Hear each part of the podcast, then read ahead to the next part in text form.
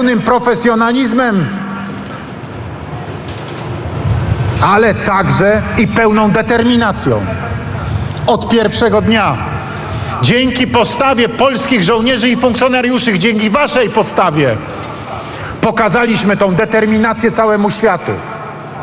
Broniąc polskiej granicy, broniąc granicy Unii Europejskiej, broniąc granicy strefy Schengen.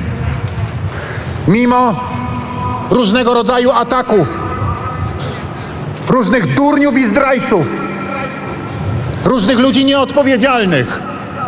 Polski żołnierz stanął na wysokości zadania. Wytrzymał. Dziękuję za to z całego serca. Kto wie, jakie byłyby następstwa tego hybrydowego ataku realizowanego przez reżim białoruski we współpracy bez wątpienia z Moskwą, gdyby nie wasza postawa, gdyby nie bohaterstwo polskich funkcjonariuszy i żołnierzy, gdyby nie ich odpowiedzialność na granicy, gdyby nie odpowiedzialność wszystkich tych, którzy ich wspierali, gdyby nie te nieprzespane noce, gdyby nie te zmarznięte ręce. Służyliście w niezwykle trudnych warunkach. Bywałem u Was, widziałem to na własne oczy. Dziękuję za to wielkie poczucie odpowiedzialności za sprawy Rzeczypospolitej. I wreszcie to, co dzieje się dzisiaj za naszą wschodnią granicą, a, za, a co zaczęło się końcem lutego tego roku. Rosyjska frontalna agresja na Ukrainę, na niepodległe, suwerenne, demokratyczne państwo, na naszego sąsiada. Agresja, której skali trudno się było spodziewać. Nie mam żadnych wątpliwości, że absolutnie przerosła ona to, czego niektórzy się spodziewali, a dla niektórych była w ogóle totalnym zaskoczeniem.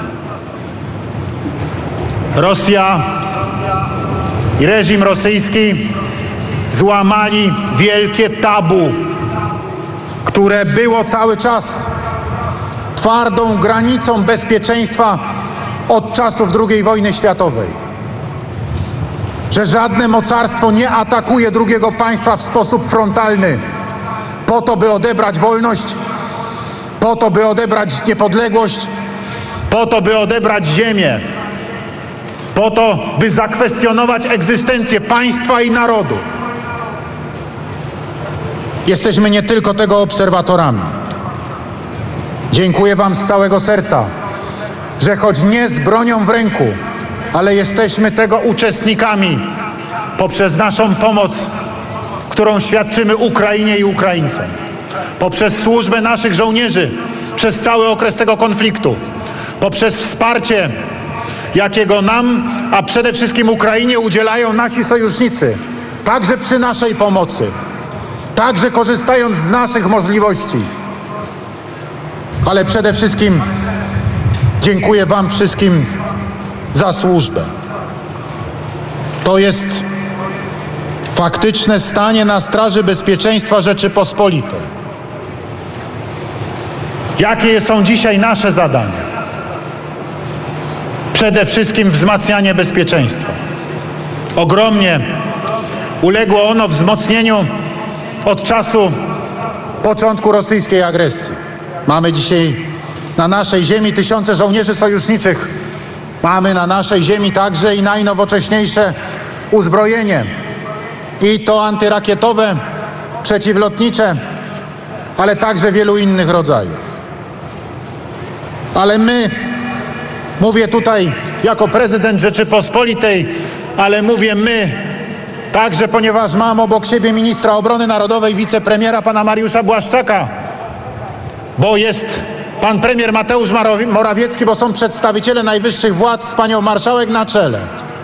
Naszą odpowiedzialnością dzisiaj jest, nie szczędząc sił i środków, zapewnić jak najlepsze, jak najnowocześniejsze wyposażenie naszym żołnierzom, polskiej armii.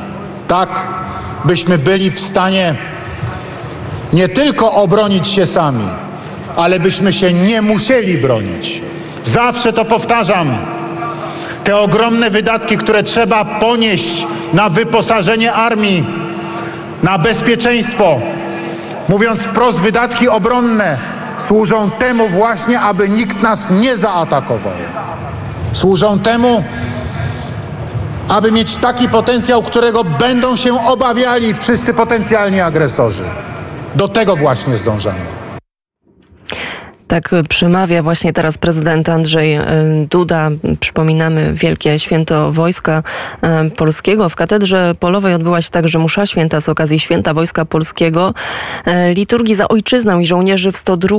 rocznicę Bitwy Warszawskiej 1920 roku przewodniczył biskup polowy Wiesław Lechowicz, a za moment dużo więcej informacji na temat roku 1920.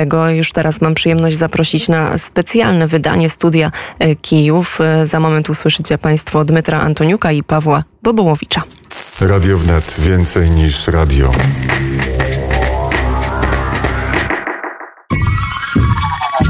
Studia Kyiv.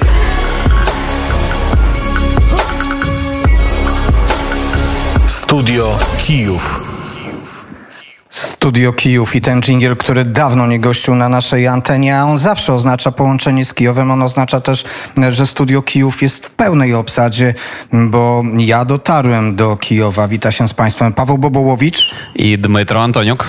We dwóch dzisiaj będziemy przez prawie dwie godziny opowiadać Państwu o wydarzeniach związanych nie tylko z 1920 rokiem, ale powrócimy też do tej naszej akcji, w której opowiadaliśmy o 1920 roku, o wydarzeniach z tamtego czasu, ale będziemy Będziemy też mówić oczywiście o tych wydarzeniach bieżących, bo jak przed chwilą usłyszeliśmy w przemówieniu prezydenta Rzeczypospolitej Polskiej Andrzeja Dudy, te wydarzenia niestety bardzo ze sobą się łączą i jest wiele tych elementów, które wywołują po prostu e, skojarzenia, chociaż podobno e, w, gdy opisuje się różne wydarzenia, te paralele nie są jakimś takim dobrym elementem, ale trudno uniknąć mm, tego wrażenia, że jednak w tym przypadku e, są one uprawnione i że były uprawnione też w 2020 roku, gdy z Mytrem o nich opowiadaliśmy.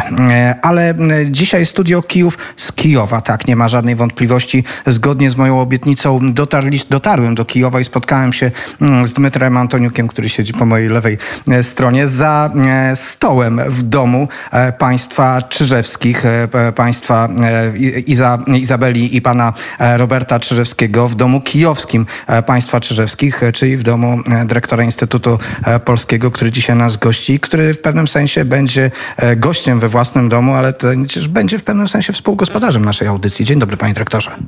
Witam, panie dyrektorze, witam państwa.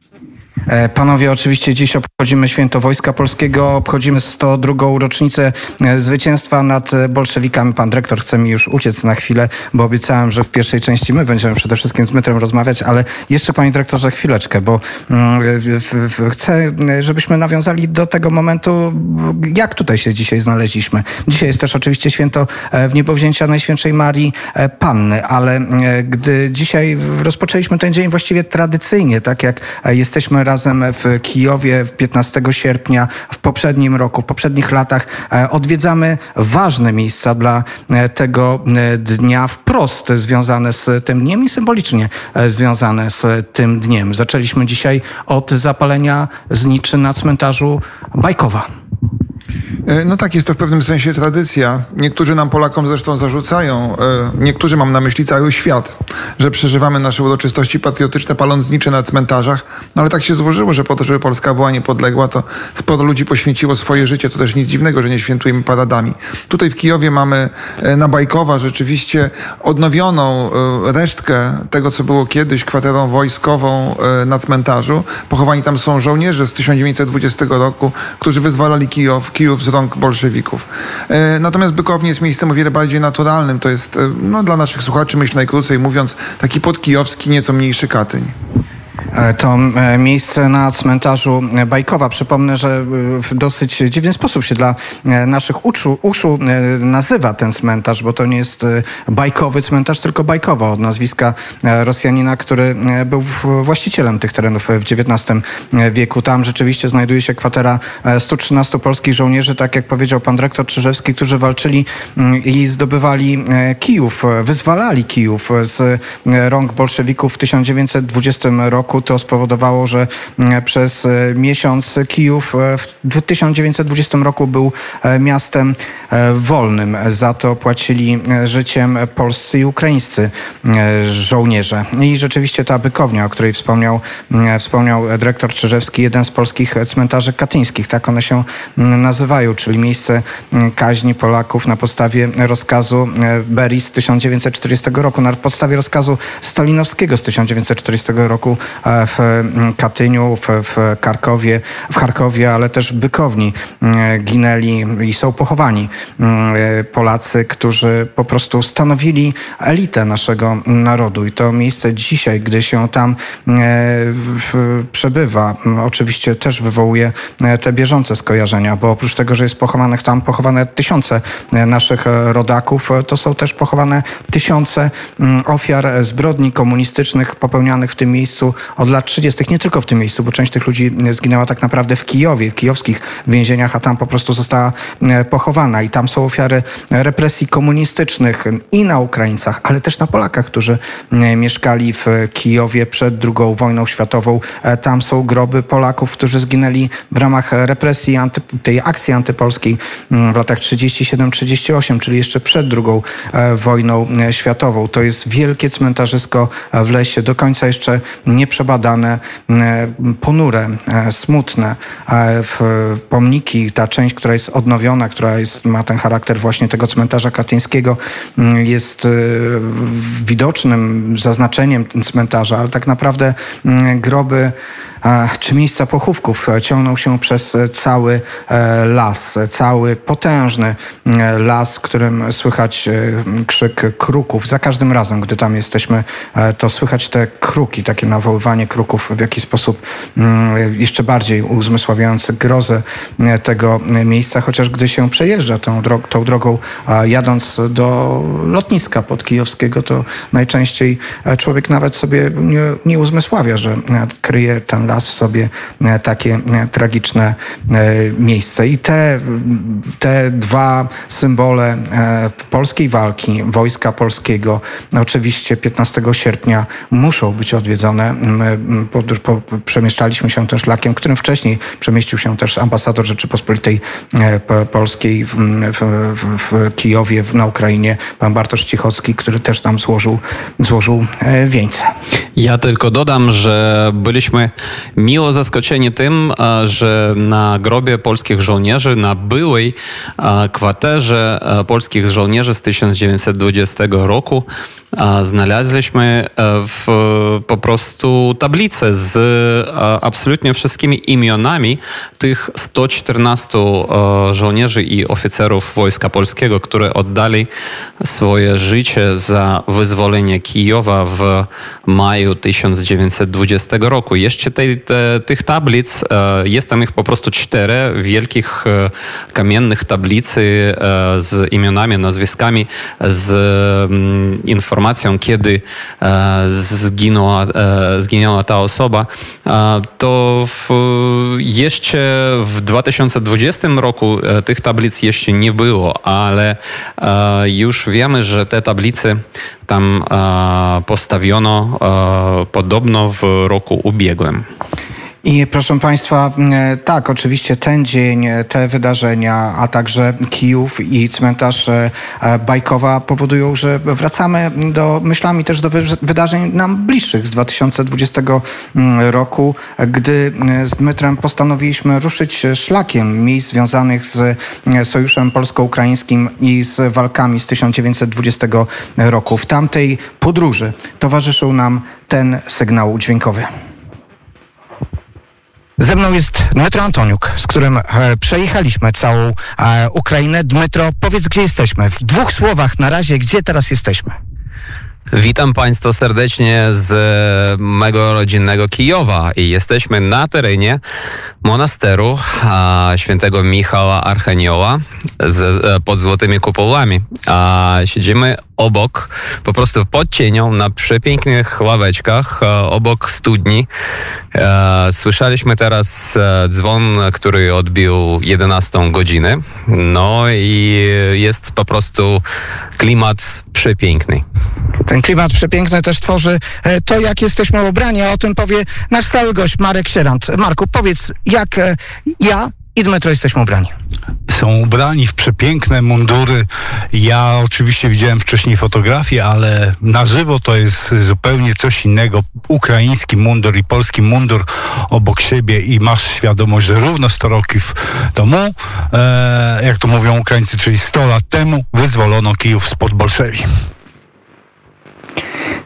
Trochę inna kolejność dźwięków się wkradła, bo liczyłem na to, że Państwo usłyszycie w tym momencie sygnał dźwiękowy, e, z którym Państwem, z Państwem witaliśmy się w czasie e, tej naszej e, wyprawy w e, 2020 roku, ale od razu Państwo usłyszeliście jedną z naszych korespondencji, bo tych korespondencji będzie dzisiaj więcej. Tych korespondencji z e, 2020 roku, które nadawaliśmy e, z Dmytrem e, Antoniukiem, ale też czasami e, towarzyszył nam Marek Sierant, którego e, Państwo e, słyszeliście i zaraz opowiemy, co to była za korespondencja, ale musicie Państwo teraz usłyszeć ten dżingiel, który nam towarzyszył w czasie tej naszej podróży. Mam nadzieję, że tym razem się uda. Spróbujmy.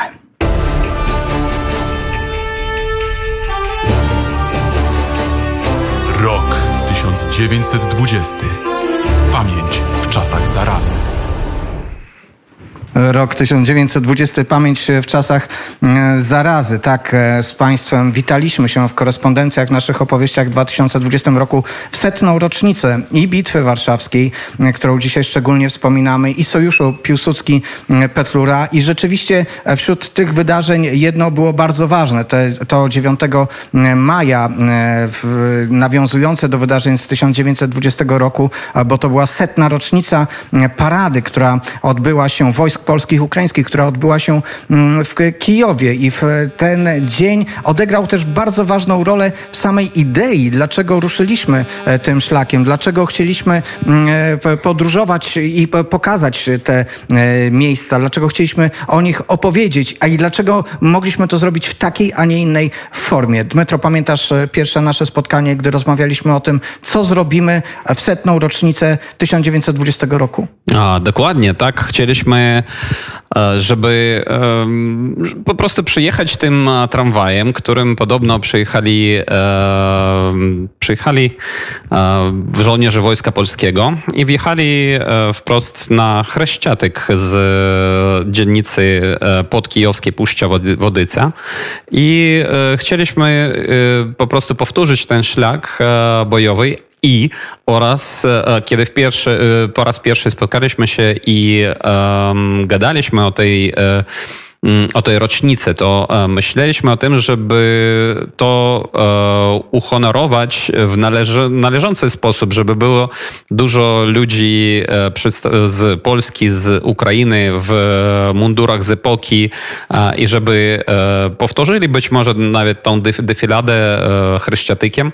O tym marzyliśmy, ale stało się tak, że wkróciła ta zaraza, której cały czas tutaj jest mowa i e, zamieniliśmy się, e, zamieniliśmy to wszystko e, po prostu w naszym, e, w tym, że my, my przebywaliśmy na tym Chreściatyku w mundurach z epoki tylko nas dwóch. No i jeszcze oczywiście Marek Sierant. E, Rzeczywiście to był taki moment niezwykły, bo przecież wszędzie była ta pandemia. To wtedy e, pandemię nazywaliśmy zarazą. Dzisiaj to chyba mówimy zaraza, myśląc o armii e, Jak najbardziej. A wtedy to była ta rzeczywiście pandemia COVID-19. E, Przypomnijcie sobie Państwo wydarzenia z kwietnia, z maja e, 2020 roku. Wtedy podróżowanie, przemieszczanie się, a nawet proste wychodzenie z domu czasami oznaczało no, wręcz e, czyn heroiczny albo czyn niebezpieczny, albo czasami było wprost mm, zabronione. A Dmytro wtedy wymyślił, że e, no nie, tak nie może być. My musimy się pojawić w przestrzeni publicznej. Jeżeli nie może być nas dużo, było wiadomo, że nie będzie rekonstruktorów, chociaż przecież takie pomysły e, pojawiały się. E, Wiemy nieoficjalnie, że była planowana e, poważna wizyta na wysokim szczeblu m, ze strony polskiej, że tego dnia miało właśnie odbyć się przemarsz rekonstruktorów, chociaż zastanawiano się, czy ten 9 maja to jest na pewno szczęśliwa data, bo oczywiście tutaj m, na Ukrainie do niedawna m, 9 maja, tak jak w innych krajach postsowieckich, czy w wielu krajach postsowieckich, a przede wszystkim Federacji Rosyjskiej był uznawany za dzień zakończenia II II wojny e, światowej i miał przede wszystkim e, taką e, konotację, a tutaj nagle my chcemy przypomnieć i państwo polskie też chciało przypomnieć, że 9 maja to dzień, w którym Polacy i Ukraińcy defilowali razem Chreszczatykiem w 20 e, roku. No i nagle okazało się, że w ogóle takich te plany nie wyjdą, że to jedyne co możemy zrobić, to możemy po prostu pójść tam sami. Ale Dmytro, nie tylko był ten pomysł, zrealizowany pomysł z e, rekonstrukcją tych wydarzeń, a właściwie może nawet przypomnijmy, jak myśmy zdobyli w ogóle mundury w tamtym czasie, bo to też nie było proste i co to w ogóle spowodowało. E, No właśnie, chcieliśmy e, chociażby we dwóch e, wyjść na Chryściatyk i w taki sposób to wszystko upamiętnić. No a ty powiedziałeś, że masz e, przyjaciela w Lwowie, który jednak może nam pomóc z tymi mundurami. No i pojechaliśmy do, tych, do tego pięknego Lwowa. A po drodze, kiedy już wyjechaliśmy, z- wyjechaliśmy z Kijowa, już przyjechaliśmy jakieś tam 50-60 kilometrów, ja powiedziałam, słuchaj, ale tutaj po drodze przecież mamy e, w Zwiagiel, czyli e, teraz już Zwiagiel, na ile ja pamiętam, już nie ma Nowohradu Wołyńskiego nareszcie. Nie, jestem pewien, czy już jest przemianowany z powrotem. No. I, a pod Zwiaglem, jak e, wiadomo, są mogiły e, akurat żołży- żołnierzy Wojska Polskiego z 1920 roku w miejscowości Susły.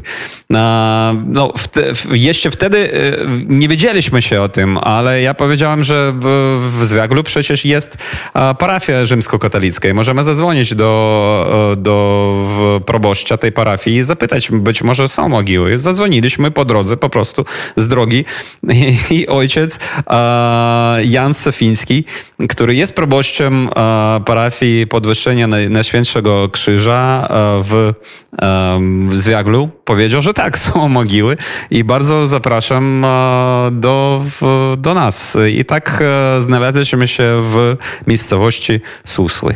E, I to jest ten moment, w którym należy wspomnieć, bo dzisiaj powinniśmy wspomnieć wiele osób, które mm, e, inspirowały naszą akcję, które pomagały, które e, wspierały tę e, akcję. E, I gdy myślimy o susłach, to też jest w sumie niesamowite, bo z tematem tej miejscowości spotkałem się wcześniej u ojca Sergieja Dmitriejewa, który jest częstym gościem na naszej antenie. Tam poznałem polskiego artystę Huberta Kampę, który o susłach wtedy mi opowiedział i zapraszał do tej miejscowości, ale później pandemia, inne wydarzenia spowodowały, że ten temat gdzieś wypadł i dopiero ten e, wyjazd z Dmytrem e, i przypadkowy powrót do tej miejscowości przypomniał nam o tej wielkiej i ważnej akcji, którą e, Hubert przeprowadził razem z po- Polakami z Nowogradu czy ze Zwiagla, tak jak teraz Dmytro mówi, którzy przypomnieli nie tylko o walkach w tym miejscu, ale też przypomnieli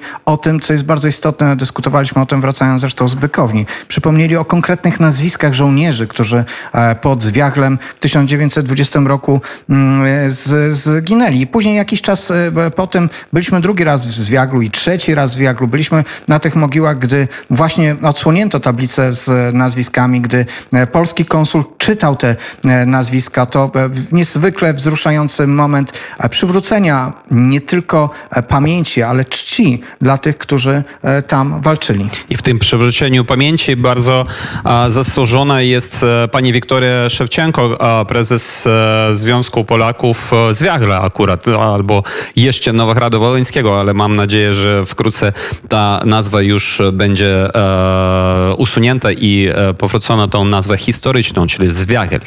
I tak jak Państwu mówiliśmy, no wiele jest tych momentów, gdy po, powoduje to powrót do tych wydarzeń obecnych i tego, co się dzieje teraz. Hubert Kampa, wspomniany przeze mnie, w, w, cały czas działa na rzecz Ukrainy.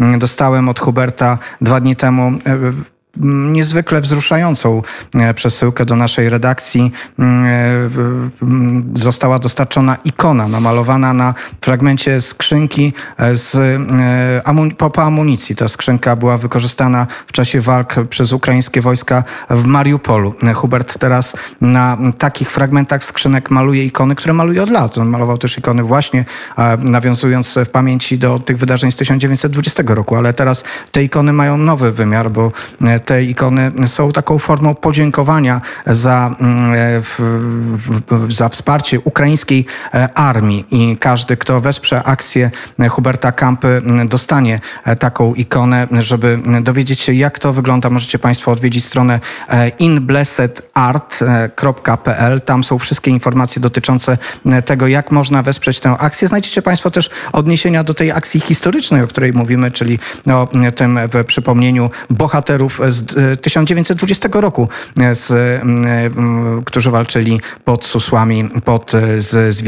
Tam o tej akcji też e, Państwo e, przeczytacie, bo to wszystko jakoś tak razem e, ze sobą się, ze sobą się łączy. To co, e, Dmytrze, spróbujemy posłuchać e, następny fragment korespondencji, którą wydobyłeś z naszego archiwum radiowego? Jeszcze powiem przed tym, że dalej był na naszej trasie, ukazał się korzec, bo e, w, ksiądz Jan powiedział, że i w Korcu przecież są takie mogiły, a w Korcu też jest e, ojciec e, Tomasz e, Ciopor, który e, jest proboszczem parafii rzymskokatolickiej świętego Antoniego.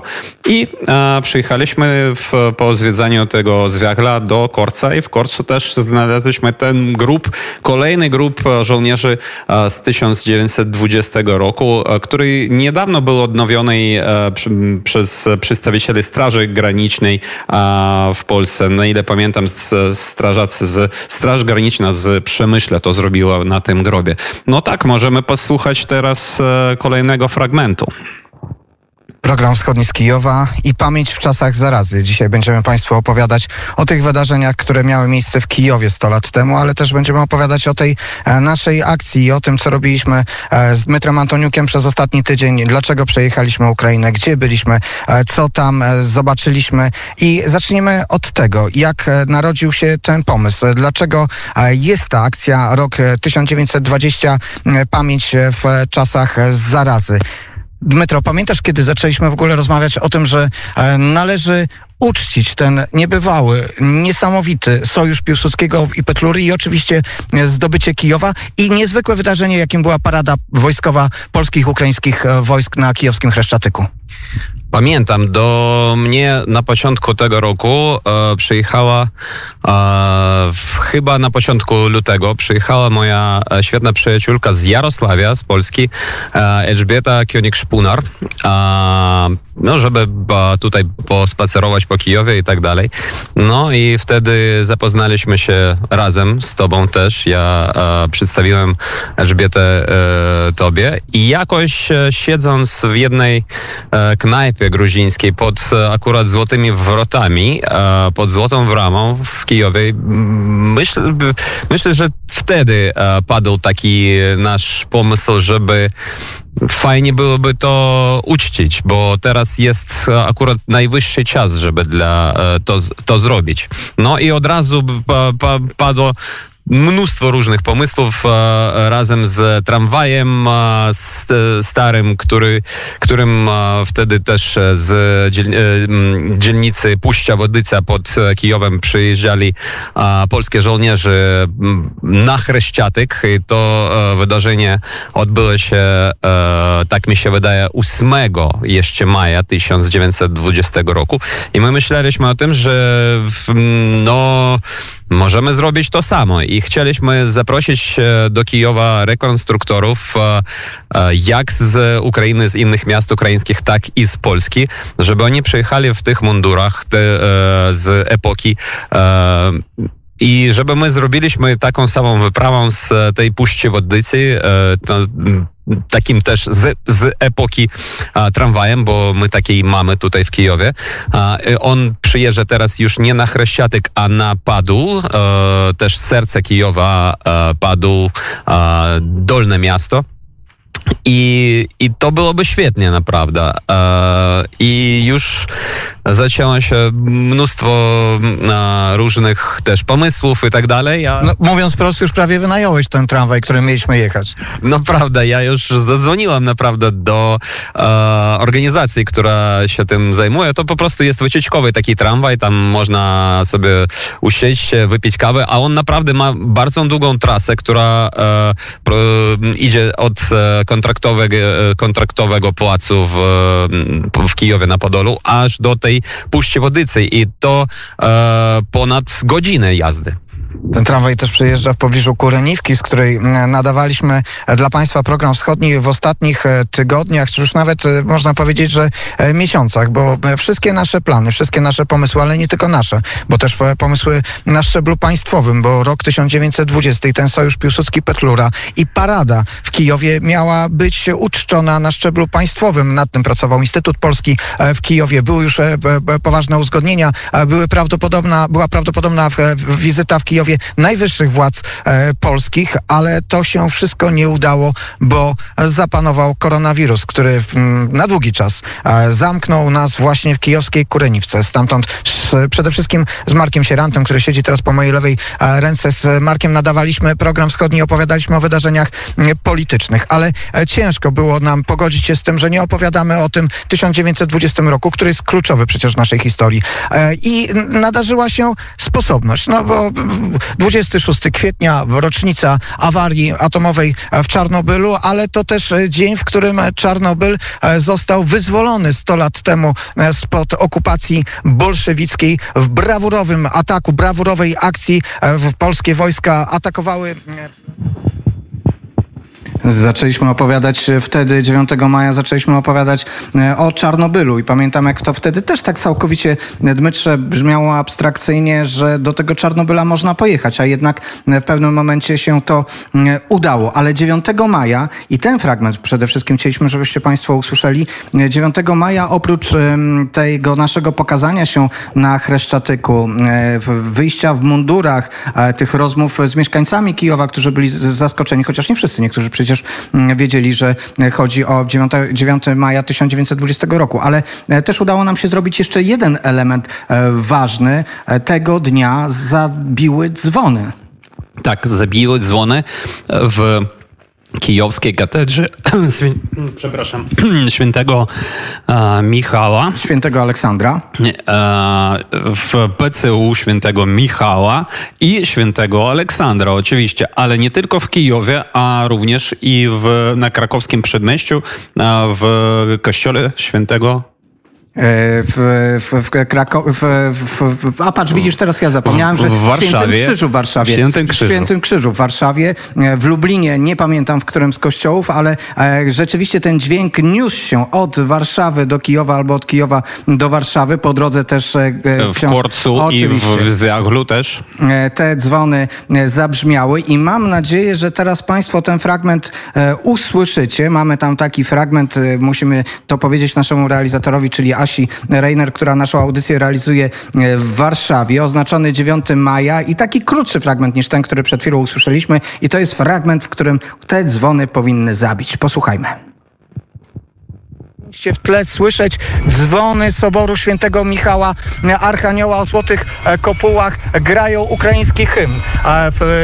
Stoimy z Dmytrem w mundurach polskiego i ukraińskiego żołnierza z tej epoki, z 1920 roku. Prawdopodobnie w takich mundurach e, Polacy i Ukraińcy defilowali ulicami Kijowa Chreszczatykiem 9 maja 1920 roku. Opisuje to we swojej książce o ofensywy kijowskiej generał Tadeusz Kłutrzeba i pisze tam o tym, że te mundury były różne, bo przecież polska armia była złożona z różnych części, a ja mam na sobie mundur, który wcześniej był noszony w armii austriackiej, ale przecież część naszych żołnierzy właśnie w takich mundurach szła mm, w ulicami e, Kijowa. Ja jestem szeregowym, e, tak się złożyło, a Dmytro jest porucznikiem i teraz już Państwo w tle zapewne usłyszycie dzwony e, z e, Soboru świętego Michała Archanioła.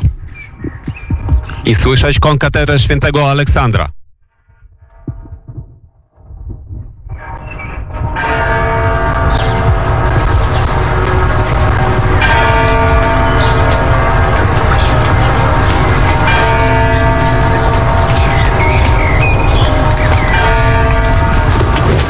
Godzina 12. Rozbrzmiały dzwony i nawet nie wiedzieliśmy, że z tego miejsca, a nie mogliśmy nadawać z innego, ale że usłyszymy dzwony i katedry, i soboru e, świętego Michała, Ar- główna świątynia prawosławnej cerkwi Ukrainy i główna świątynia e, katolicka w Kijowie. Biją teraz dzwony. Absolutnie wzruszający moment przypominający o tym, jak wyglądały te wydarzenia e, 20 roku. My wiemy, że parada polskich i ukraińskich żołnierzy zaczęła się o godzinie 11, czyli oni teraz w tym momencie jeszcze zapewne defilowali przed generałem Śmigłym e, Rydzem i przed e, pułkownikiem Marko Bez, Markiem Bezruczko e, po Chreszczatyku. My zaraz z Dmytrem tam pójdziemy, ale wcześniej weźmiemy udział w modlitwie, wspólnej modlitwie rzymskokatolickiej i prawosławnej w intencji tych wydarzeń, z przypomnieniem wielkiego zwycięstwa nad bolszewikami dzięki Polakom i Ukraińcom i z przypomnieniem o tym, że to też wiele osób zapłaciło za to największą cenę, składając swoje życie i że wciąż trwa walka przeciwko Rosji na wschodzie Ukrainy, w której biorą udział Ukraińcy, ale też ci Ukraińcy z polskimi e, korzeniami. I jeszcze słychać, jak brzmią a, dzwony, to, to słychać dzwony konkatedry. Tak, to jest konkatedra rzymskokatolicka świętego Aleksandra. Ona jest od nas e, kilkaset metrów dalej niż e, Sobór e, Michajłowski, ale te dzwony, ten dźwięk dociera. Jeden z naszych kolegów jest tam bliżej, specjalnie nagrywa ten dźwięk dzwonów, żebyśmy mogli go później jeszcze emitować, żebyśmy mogli o tym przypomnieć. A w Polsce dzwony zabrzmią za godzinę w kościele Świętego Krzyża na krakowskim przedmieściu w Warszawie, w Lublinie i mamy nadzieję, że też w innych miejscach. I w ten sposób e, żegnamy się z Państwem i dziękujemy e, za ten program wschodni i że Państwo byliście z nami przez cały tydzień i pomagaliście nam, e, informowaliście nas i że teraz jesteście z nami. Dziękujemy naszym słuchaczom, dziękuję też Frankowi Żyle, który realizuje program w Warszawie. To też jest ten nasz łącznik z Warszawą i Marcie Niźnik za to, że ten program znajdzie się w internecie i Tomkowi Wybranowskiemu, który specjalnie do dzisiejszej audycji wybrał piosenki i pomógł nam w tym, bo myśmy byli cały czas podróży i wybrał takie piosenki, które e, mają jeszcze podkreślić atmosferę e, tego dnia. A my z Dmytrem ruszamy krokiem marszowym, chociaż żaden z nas nie był nigdy e, żołnierzem, ale dzisiaj przez chwilę taką rolę zagramy najpierw na plac przed Soborem Michajłowskim, a potem na kijowski Chreszczatyk. I oczywiście z Państwem się nie żegnamy, bo pożegnaliśmy się w roku 2020 w programie wschodnim, w tym niezwykle wzruszającym momencie. To słychać w naszych głosach i pamiętam, że mm, nawet ciężko, są takie momenty, kiedy ciężko mówi się do mikrofonu, bo po prostu wzruszenie mm, to utrudnia, ale tak to faktycznie wyglądało, gdy biły dzwony w Kijowie. Mieliśmy świadomość, że biją też mm, w Warszawie, że biją w innych miastach i że wspominają żołnierzy 1920 roku, ale w tej modlitwie, która mm, dokładnie mm, zaraz po programie wschodnim odbyła się przed e, Soborem Michajłowskim mm, w Kijowie, przed ścianą pamięci, na której e, są zdjęcia żołnierzy, którzy zginęli w nowych walkach z e, Rosjanami od 2014 roku. Ta modlitwa miała formę modlitwy żałobnej, wzięli w niej udział kapłani rzymskokatolicy i kapłani prawosławni i niezwykle też wzruszający, poruszający moment. Tak mi się przypomniało, chyba e, wreszcie też o tym mm, powiedzieć, że e, ze względu na to, że postanowiliśmy w czasie tej modlitwy połączyć te dwa elementy e, z roku e, 1920 i wtedy, z ówczesnych wydarzeń na Ukrainie, z walk na mm, wschodzie przeciwko Federacji Rosyjskiej, niestety nie udało nam się wtedy zaprosić przedstawicieli dyplomacji polskiej, którzy mm, stwierdzili, że to połączenie nie do końca być może jest właściwe. A dzisiaj już wiemy, że nie tylko było właściwe, ale tak naprawdę wskazywało to główne, główne niebezpieczeństwa. Ale e, chociaż zabrakło polskich dyplomatów, e, to e, nie zabrakło i dobrych tych dusz wspierających z polskiej strony i z ukraińskiej. Mm, Modlitwa wzruszająca, kolejny taki wzruszający moment tego dnia. Było też trochę obserwatorów, ale cały czas przypominam, że to był rok pandemii, w związku z tym nawet duchowni, którzy modlili się, musieli stać od siebie daleko, zgodnie z miejscowymi e, przepisami, ale jednak ta modlitwa e, się e, odbyła. I gdy też opowiadamy o tej naszej akcji, być może Dmytro jeszcze chcesz dodać, bo widzę, że chcesz dodać coś do tego, do tego momentu z 9 maja z Soboru Michałowskiego. No tak, ja e, przypominam, że jednym z tych ojców z księży prawosławnych. To był nasz wspólny, dobry znajomy i przyjaciel, ojciec Konstanty Holodow. On modlił się wtedy przy tej ścianie. I to naprawdę było bardzo wzruszające, a też, też chcia, ty już o tym wspomniałeś, ale kiedy byliśmy na Chryściatyku już po tej modlitwie, to zabraliśmy z sobą flagi Polski i Ukrainy i staliśmy w tych mundurach z tymi flagami. I do nas podszedli Ukraińcy e, i zapytali się, czy mogą zrobić nami zdjęcia. E, oczywiście powiedzieliśmy, że tak, ale zapytaliśmy, e, w, co oni sądzą, dlaczego jesteśmy tutaj, dlaczego akurat 9 maja jesteśmy tutaj. No, oni, I o, tam była cała rodzina i ojciec e, tej rodziny powiedział, no przecież oczywiście, to jest e, upamiętnienie roku 1920. I e, no to było dla nas e, e, wielką ulgą, tak?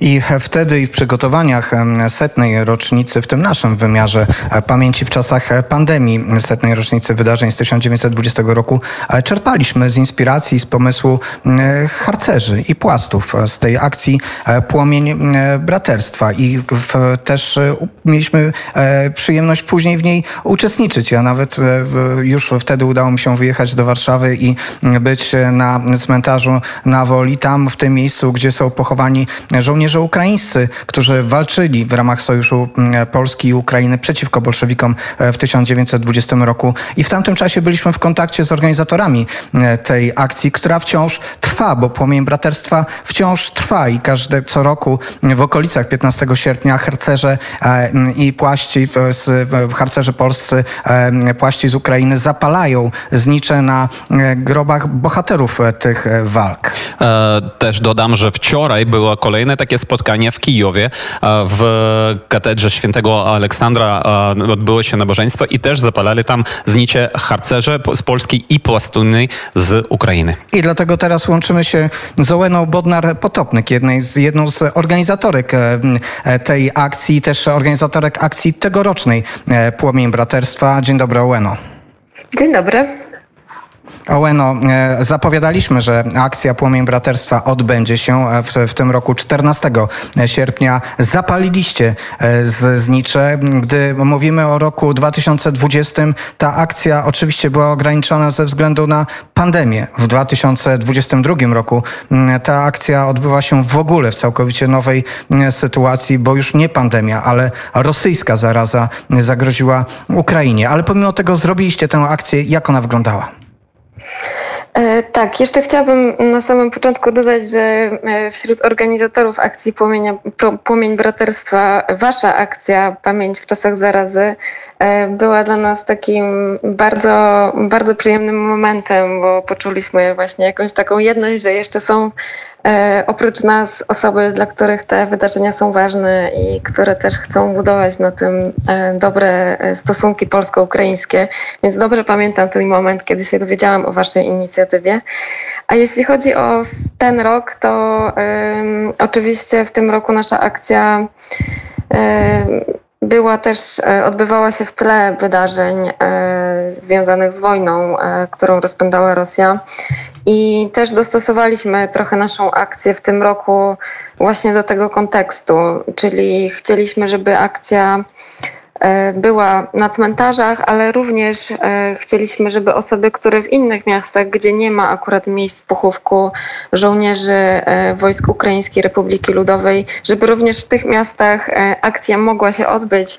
Więc e, w tym roku szeroko zachęcaliśmy do tego e, harcerzy, płastunów, ale również innych, e, inne osoby, lokalnych e, aktywistów, którzy chcieli się dołączyć, aby zorganizowali e, spotkanie, taki mini meeting Płomień Braterstwa w swoim mieście, e, również tam, gdzie nie ma e, miejsc pochówków żołnierzy. Także w tym roku e, akcja włączyła również inne miasta, które w poprzednich latach no, nie brały udziału ze względu właśnie na te szczególne szczególne warunki, jakim jest właśnie to, czy jest cmentarz, czy nie ma cmentarza w danym mieście.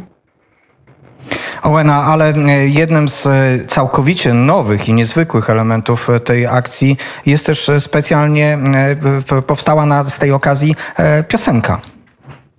Tak, właśnie planując akcję w tym roku, doszliśmy do wniosku, że bardzo byśmy chcieli mieć jakiś taki pojednawczy moment e, w postaci wspólnie wykonanej piosenki. To było potrzebne zwłaszcza w kontekście tych miejsc, gdzie nie ma cmentarza, gdzie nie ma tego momentu zapalenia świeczki, położenia modlitwy nad mogiłą, tak? Więc e, chcieliśmy, żeby akcja miała e, również taki wyraz e, pojednawczy e, i, i pomyśleliśmy, że piosenka to jest idealny, idealny sposób na to, żeby właśnie w taki sposób ludzi objednać. I tak, powstała inicjatywa piosenki. To była bardzo piękna, spontaniczna inicjatywa, e, w pełni angażująca wolontariuszy przede wszystkim, bo wszyscy, którzy pracowali nad tym pomysłem, zarówno nad samą piosenką, jak i na klip, nad klipem, i artyści, i osoby, które zajmowały się innymi rzeczami związanymi z powstaniem tego utworu, e, wszyscy po prostu byli e, napędzani tym pomysłem, tą ideą. E, Więc e, tak jeszcze od siebie dodam, że ten utwór powstawał w naprawdę pięknej atmosferze. I ten utwór też w tej formie wykonania jest, e, ma symboliczny element, bo jest wykonywany i przez ukraiński zespół, i przez polskich wykonawców. Tak, jest wykonany przez ukraiński zespół Hajdamaky, przez lidera zespołu Pull the, Pull the Wire, Pawła Marszałka i również przez znanego e, gitarzystę Piotra Hancewicza. Także A, jeszcze powiedz, kto napisał artyści, słowa. Którzy... Proszę? A kto napisał słowa?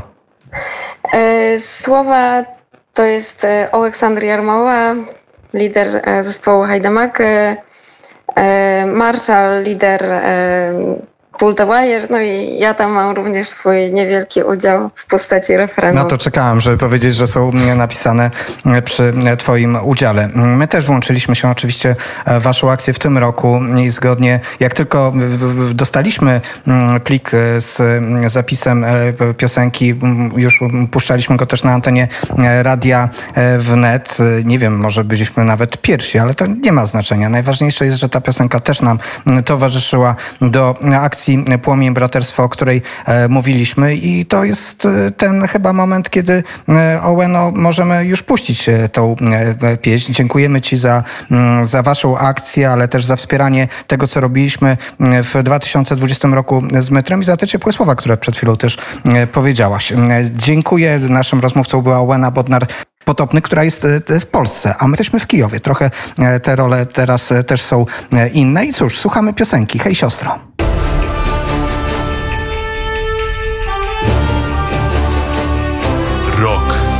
1920. Pamięć w czasach zarazy. Pamięć w czasach zarazy, rok 1920. Wracamy do tej naszej e, akcji w Dzień Święta Wojska e, Polskiego, ale m, też w tym dniu, w którym wspominamy m, nasz sojusz e, z Ukraińcami w, w, z 1920 roku. I ta piosenka Hej siostro, e, słowa tej pieśni tak są aktualne i w kontekście 20 roku i tych wydarzeń 1920 roku i tych wydarzeń 2022 mm, e, e, roku. Ta peremocha nad Ordoj, czyli to zwycięstwo nad Ordą, no wtedy w 20 roku zrealizowane w części. Warto o tym pamiętać, że w części zrealizowane, bo my, my dzięki zwycięstwu nad bolszewikami utrzymaliśmy naszą niepodległość, ale Ukraina jej nie zdobyła. To jeden z tych smutnych elementów, który w kontekście 20 roku powinniśmy pamiętać. I w- tej piosence jest to, co wtedy też nam się nie udało do końca zrealizować, bo e,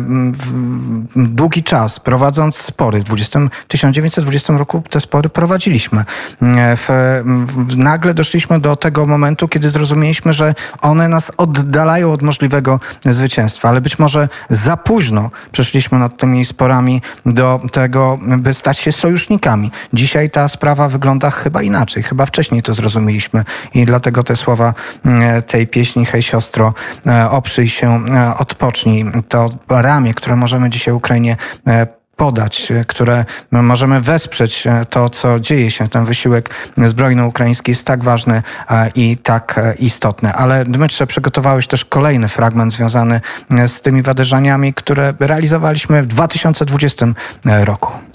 Dokładnie tak, bo e, ponieważ dzisiaj jest e, święte, święto nie tylko Wojska Polskiego, a i święto e, w niebowzięcie Najświętszej Maryi Panny, to tutaj e, będzie kawałek, który nagraliśmy 30 maja, jeżeli się nie mylę, e, na Polesiu. Będąc na Polesiu w wsi, która nazywa się Nowy Dorohyń i tutaj e, e, będzie występował ojciec Iwan Holub. No i posłuchajmy tego kawałku.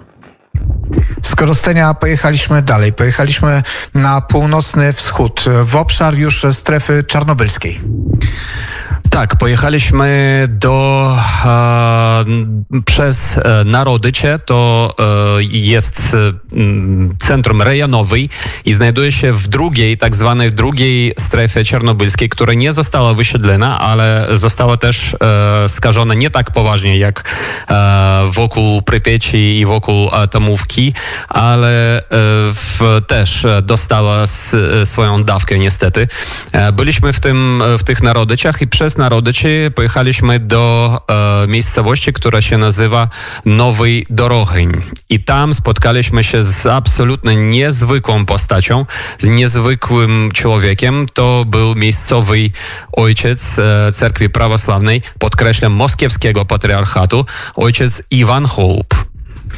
E, Iwan Hołb nam przedstawił się jako Jan Hołb. Rzeczywiście mm, e, ojciec, e, który jest, zajmuje się tam, czy jest, e, e, prowadzi parafię e, prawosławną Patriarchatu Moskiewskiego, ale też jest opiekunem miejsca na cmentarzu. Miejsca, które zna e, od wielu pokoleń. O tym miejscu mówili mu jego przodkowie. Tak, on dostał wiadomości o tym miejscu od swojej babci, jak on nam mówił. I mówił, że e, to jest zbiorowa mogiła, która się znajduje na cmentarzu e, wiejskim i w e, tej mogile leżą zgodnie z ojcem albo 15, albo 45 żołnierzy Wojska Polskiego. O tym nie pamiętał. E, e, Opowiadał, że te żołnierze zostali absolutnie e, w, ogoleni. Nie, nie było żad, żadnych butów, mundurów, wszystko zabrali bolszewicy. I przez lata ta mogiła wyglądała tak, że było to puste miejsce na tym cmentarzu. Na cmentarzu, który jest na końcu miejscowości, która właściwie można powiedzieć, że jest na końcu świata, bo na, wśród, na tym Polesiu, wśród tych mokradów, wśród e, tych dzikich kniei i moczarów. A, I jest ten cmentarz, a na tym cmentarzu, na jego końcu e, było miejsce, zapadnięte miejsce w ziemi, gdzie stał po prostu granitowy kamień. I ten granitowy kamień był położony po to, żeby pamiętać, że tam jest zbiorowa mogiła i że być może e, ktoś miał taki zamysł, że kiedyś przyjdzie czas, kiedy będzie można mm, pamięć o tych żołnierzach e, przywrócić. I rzeczywiście tak się stało. Na tej mogile stanął krzyż. Jest tam teraz tablica w języku polskim i ukraińskim, e, która powstała dzięki staraniom e, nauczyciela pana Marka. O to będzie oddzielna historia, o której opowiemy. I też e, miejscowego e, Korostańskiego e, Związku Polaków e, na Ukrainie. Tam, na cmentarzu, ksiądz Iwan, ksiądz Jan pomodlił się. Posłuchajmy tej modlitwy. Jeszcze молимся, упокоим душ, здесь э, по- почивай их, Господи, Ты сам весь, весь имена. И простите им всякому совершению, вольному же и невольному, Господи, помилуй, Господи, помилуй, Господи, помилуй. Милости Божья, Царство Небесное, Верховье Христа Бессмертного Цара, и Бога нашего просим, подай, Господи, Господи, помилуй. Яко Ты есть и воскресение, живот и пояс общих раб, Ты здесь живущих. Ты сам, Господи, их весь имена. Тебе славу слем, с возношанием Твоим, с пресвятым благим и животворящим Твоим Духом, не приславе, ки веков, аминь. В блаженном спении вечным Бога, Господи, лежащим воинам, убиен, Ты, Господи, весь имена, и сотворим вечную память, вечная память, вечная память, вечная память, души их во благих, во дворах Богородца и память их род и род. Христос воскресе из мертвых смертью усмить поправ, Ісусі мог гробих живот дарував, і нам дарував живот вечний, поклоняємося його тридневну воскресенню. Сьогодні віддання Пасхи по нашому православному. Христос Воскрес, їм Царство Небесне. I prawosławna modlitwa na cmentarzu w Nowym Dorochiniu. I to akurat e, był ten moment, kiedy stali nam łzy w oczach, kiedy święcennik e, prawosławnego e, kościoła moskiewskiego patriarchatu modlił się za żołnierzy polskich z 1920 roku. Z Dmytrem Antoniukiem do opowieści o tej naszej akcji rok 1920 w czasach zarazy powrócimy. Studia Kijów.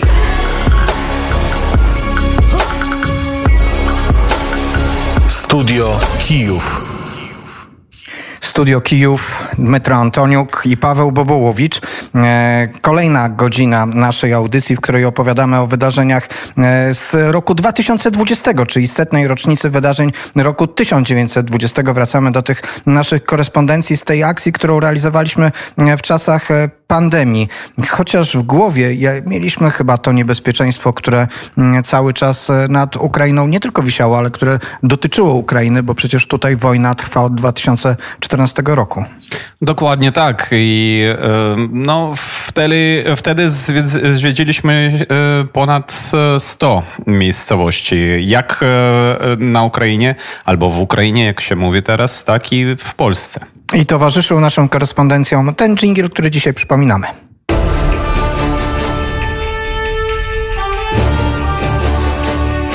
Rok 1920. Pamięć w czasach zarazy. Rok 1920, pamięć w czasach zarazy. Tak o tym opowiadaliśmy w 2020 roku w setną rocznicę wydarzeń, w setną rocznicę Sojuszu Piłsudski-Petlura.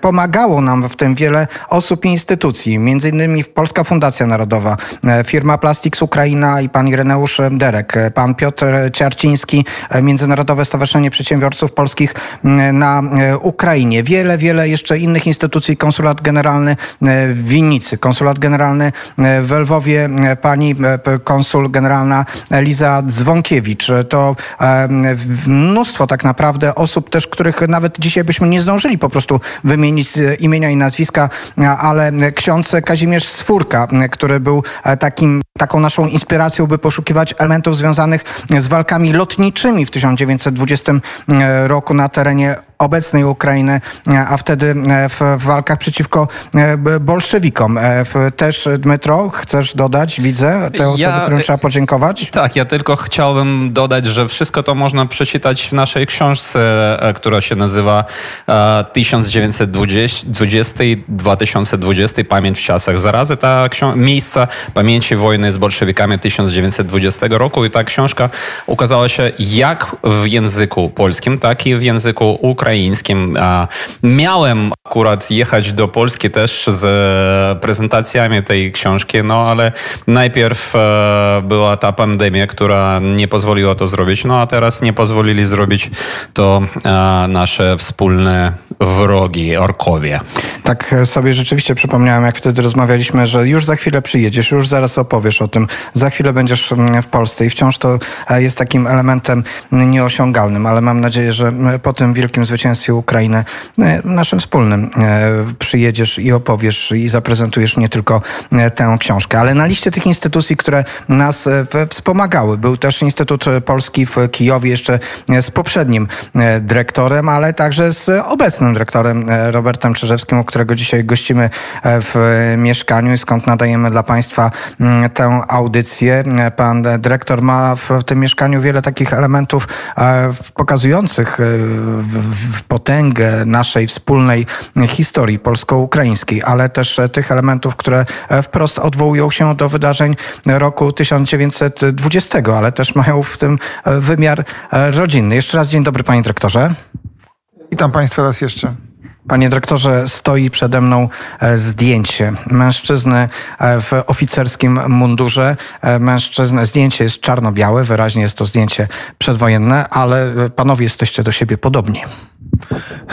No tak, panie redaktorze, jeśli zostałem w pewnym sensie wywołany do tablicy, to jest mój dziadek rzeczywiście, y, major Grzegorz Czyżewski. Na, tym, na tej fotografii jest w polskim mundurze. Zaczynam od tego aspektu, y, ale przecież był on również oficerem wojska ukraińskiego, tylko tam był pułkownikiem y, armii ukraińskiej i oczywiście walczył w wojnie 20 roku. E, Rok 1920 ma dlatego dla Pana szczególny ten wymiar e, rodzinny, chociaż to nie jest jedyne wydarzenie w Pana rodzinie, które łączy narody polskie, e, Polski i e, Ukrainy. Te wydarzenia odgrywają ważną rolę też w Pana pracy. No trudno powiedzieć. Wydaje mi się, że chyba nikt nie powinien. Mm, w Polsce jest takie powiedzenie noszenie się w dziadkowych odderach. Człowiek sam sobie powinien zasłużyć na swoją własną chwałę, ale myślę, że ze względów psychologicznych to no, miło wiedzieć, że jakiś przodek robił kiedyś rzeczy, z którymi my się dzisiaj zgadzamy. Instytut Polski pomagał nam od pierwszego naszego wyjazdu w e, 2020 roku. Mieliśmy, umożliwił nam po prostu przemieszczanie się po Ukrainie, co wtedy też nie było e, łatwe i dzisiaj znowu są momenty, gdy nie jest to łatwe. Oczywiście po części Ukrainy już w ogóle to nie jest e, e, możliwe. E, Wtedy ruszyliśmy, nie mieliśmy świadomości, że e, aż tak blisko dyrektor Czyżewski e, rodzinnie jest związany z tymi e, wydarzeniami 20 roku, ale później Instytut Polski też e, zamieścił na swoich stronach e, mapę miejsc, które e, odwiedziliśmy, w których były walki lub w których są miejsca albo były miejsca pochówków tych osób, które wtedy walczyły przeciwko bolszewikom. Tak, e, proszę Państwa, ta mapa jest e, wciąż e, do usług państwa i można po prostu prze- m, e, zobaczyć, gdzie byliśmy, co zwiedziliśmy i gdzie zapaliliśmy te znicze. Pamiętam, jak w moim samochodzie po prostu było, le- leżało kilka pudeł, dużych pudeł z zniczami w kolorach w, w, w flagi polskiej, czyli biało-czerwoni i flagi ukraińskiej e, niebiesko-żółte i, i oni e, jak to po polsku, prawda? Dźwięczały, tak, no, że chyba tak się mówi, ale brzęczały może bardziej Brzęczały, nawet tak. niż e, gdy, gdy, gdy jeździliśmy. Kilka z nich nawet się niestety uszkodziło, ale te znicze też dostawaliśmy dzięki naszym e, dobrym duszom, które nas wspierały. Też e, Instytut Polski część tych zniczy zakupił, później polskie placówki e, na Ukrainie. E, W, rzeczywiście przejechaliśmy tych miejsc ponad 100, jak z dzisiejszej perspektywy na to się patrzy, to było też niezwykłe. Pamiętasz, jak pierwszy wyjazd okazało się, że wszystkie sklepy są zamknięte, że są zamknięte restauracje, że właściwie na tych wielkich przestrzeniach nie ma co e, zjeść, bo mm, po prostu e, wtedy e, świat został sparaliżowany pandemią. Dzisiaj z innych względów przejazd przez Ukrainę jest skomplikowany. Ja bym chciał troszeczkę skomentować panów, y, panów działania, czyli owo zapalanie zniczy, bo ma to oczywiście wymiar bardzo chrześcijański, bardzo osobisty i personalny. Człowiek, który zmarł, pamiętamy o nim, nie zostawiamy go samego, modlimy się za niego, ale ma też wymiar zupełnie inny. Wymiar pamięci historycznej. Pamiętajmy, że historia w tym swoim wymiarze społecznym, czym historia jako pamięć, zawsze jest niesymetryczna. Pamiętamy w historii tylko o pewnych rzeczach, które dla nas teraz są ważne.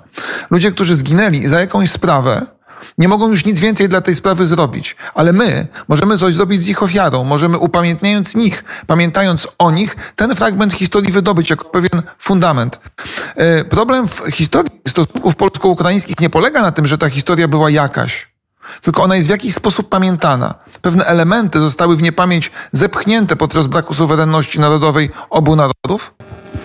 Mieliśmy drobny e, problem e, techniczny, ale jeszcze raz przypomnę, że nadajemy z Kijowa dzisiaj. Dzisiejsza audycja e, dwugodzinna poświęcona przypomnieniu tych wydarzeń z 1920 roku, ich uczczenia w 2020 roku. Dzisiaj jest realizowana wprost z Kijowa, z mieszkania pana dyrektora Roberta Czerzewskiego. Pan dyrektor nawiązał do tych właśnie podobieństw i do tej ciągłości pewnych elementów i z tamtego okresu historycznego, czy w ogóle być może problemów bardziej generalnych. Jednym z takich problemów, o których dzisiaj e, zaczęliśmy rozmawiać, panie dyrektorze, w drodze z e, cmentarza, gdzie są pochowani polscy żołnierze, którzy walczyli o, e, o wolność też Ukrainy w, w 1920 roku, to była ta kwestia i podobieństwo właściwie rodzaju armii, która walczyła wtedy z bolszewikami i rodzaju armii, który dzisiaj jest dużą częścią armii ukraińskiej, która walczy z bolszewikami. Zwrócił pan uwagę na to znaczenie armii ochotniczej. No tak, tutaj w ogóle taka dyskusja wyprowadziłaby nas bardzo daleko w kierunku abstrakcji, ale rzeczywiście w 1920 roku wszyscy historycy podkreślają, jak wielką rolę odegrali ochotnicy. Przypomnijmy, że armia w 20 roku to była armia, która się cofała przed bolszewikami już dosyć długo. Po części profesjonalna, ale też demoralizowana odwrotem. To byli nowi poborowi, którzy zostali wzięci do wojska i uzupełnili straty, ale byli to ludzie, którzy byli no, y, mniej zmotywowani, ale do nich dołączyli właśnie często nieprofesjonalni, ale ochotnicy, którzy przynieśli tej armii wolę walki. E, Wydaje się, że to właśnie e, obecność owych ochotników, w tym również na Ukrainie, pokazuje, e, czym jest wojna, jeśli ma być wojną słuszną. Często opisują ją w kategoriach arystotelesowskich albo świętego Tomasza, mówimy o wojnach sprawiedliwych. Należy spojrzeć, wydaje mi się na to tak, że te najsprawiedliwsze wojny to zawsze chęć powrotu do normalnego życia to uczestnictwo społeczeństwa w wojnie, ale tylko po to, żeby potem do tego normalnego życia powrócić. Celem wojny ma być powrót do normalnego życia. To była konkluzja naszej rozmowy, jak dobrze pamiętam, panie redaktorze.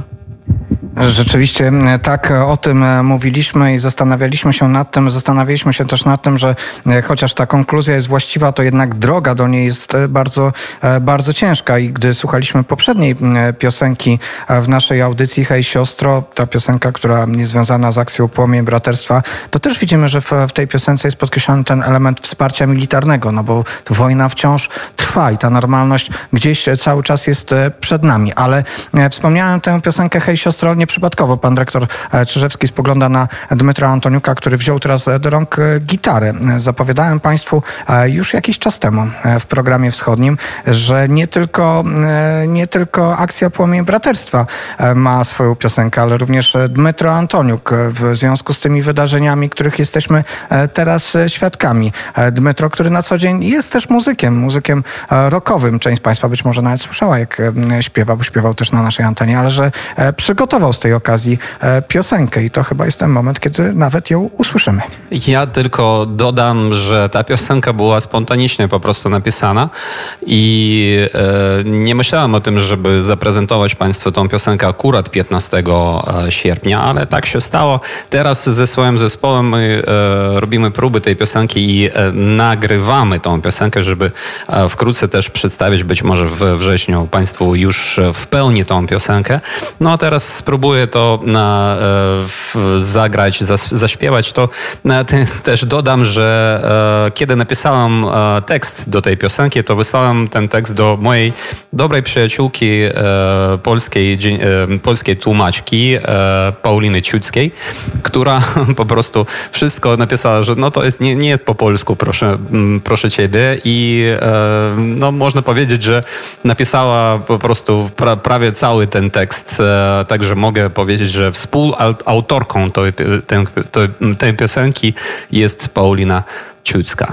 Czyli w naszej audycji, proszę Państwa, w której wspominamy akcję z 2020 roku, która była poświęcona braterstwu z 1920 roku. Dmytro Antoniuk zagra pieśń w kontekście wydarzeń 2022 roku.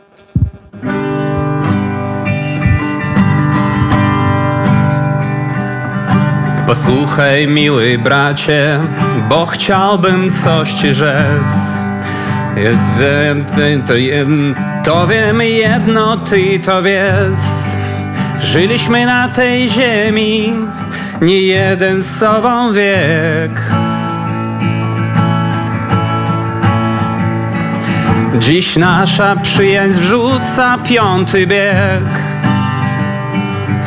Dzieliło nas wspomnienie bolesnych krzywd od lat. Lecz wierzę, że od teraz już będziemy za pan brat.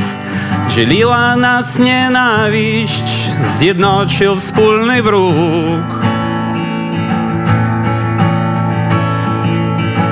I razem zwyciężymy, jak da Bóg. Daj rękę, bracie, daj z Ukraińcem. Polak obydwaj, wszak nieraz na Moskala śmiertelny i krwawy bój. Szli ramię w ramię w dawnych wojen dni. Z huzarem kozak kiedyś, a dziś my Przyjąłeś nasze dzieci, wpuściłeś pod swój dach Bo sam wiesz, polski bracie, co to jest to bliskich strach. I kiedy już nie będzie barykad, granic drzwi Zaprosić się do siebie pozwól mi. Daj bracie daj z Ukraińcem. Polak obydwaj Wszak nieraz na Moskala Śmiertelny i krwawy bój. Szli ramię w ramię w dawnych wojen dni. Aha. Z huzarem kozak kiedyś, a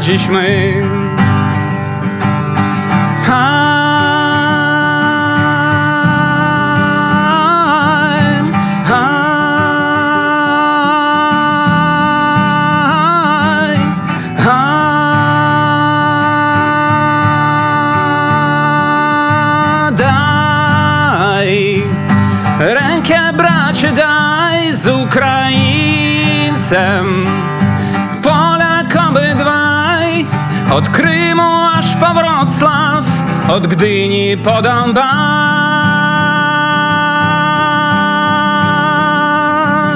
Dziś nasza przyjaźń ma najlepszy czas Mhm.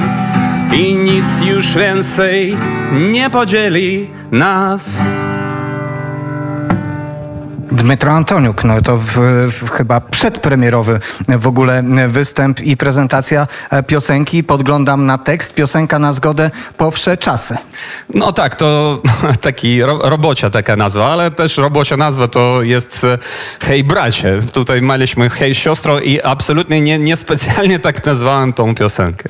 To chyba najlepszy dowód, że po prostu e, nie ma znaczenia, czy to bracia, czy siostry, po prostu jesteśmy e, razem e, i na, na, na wsze czasy. Niech tak będzie.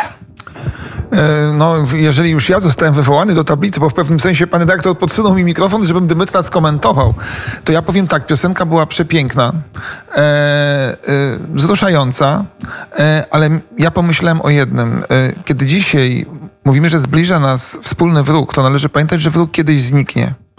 E, ten wróg jednak uosabia pewne z naszego punktu widzenia antywartości. Co jest, co jest tym, co nas naprawdę zbliża? Ja zawsze wskazuję na postawę obywatelską. Zamiast imperializmu i chęci zdobywania, właśnie małe życie. Szanowni Państwo, powiem to do naszych rodaków, nawet nie macie pojęcia, jak Ukraińcy są nam bliscy w takim kochaniu zwyczajnego życia, własnego ogródka, własnego domu, własnej małej ojczyzny.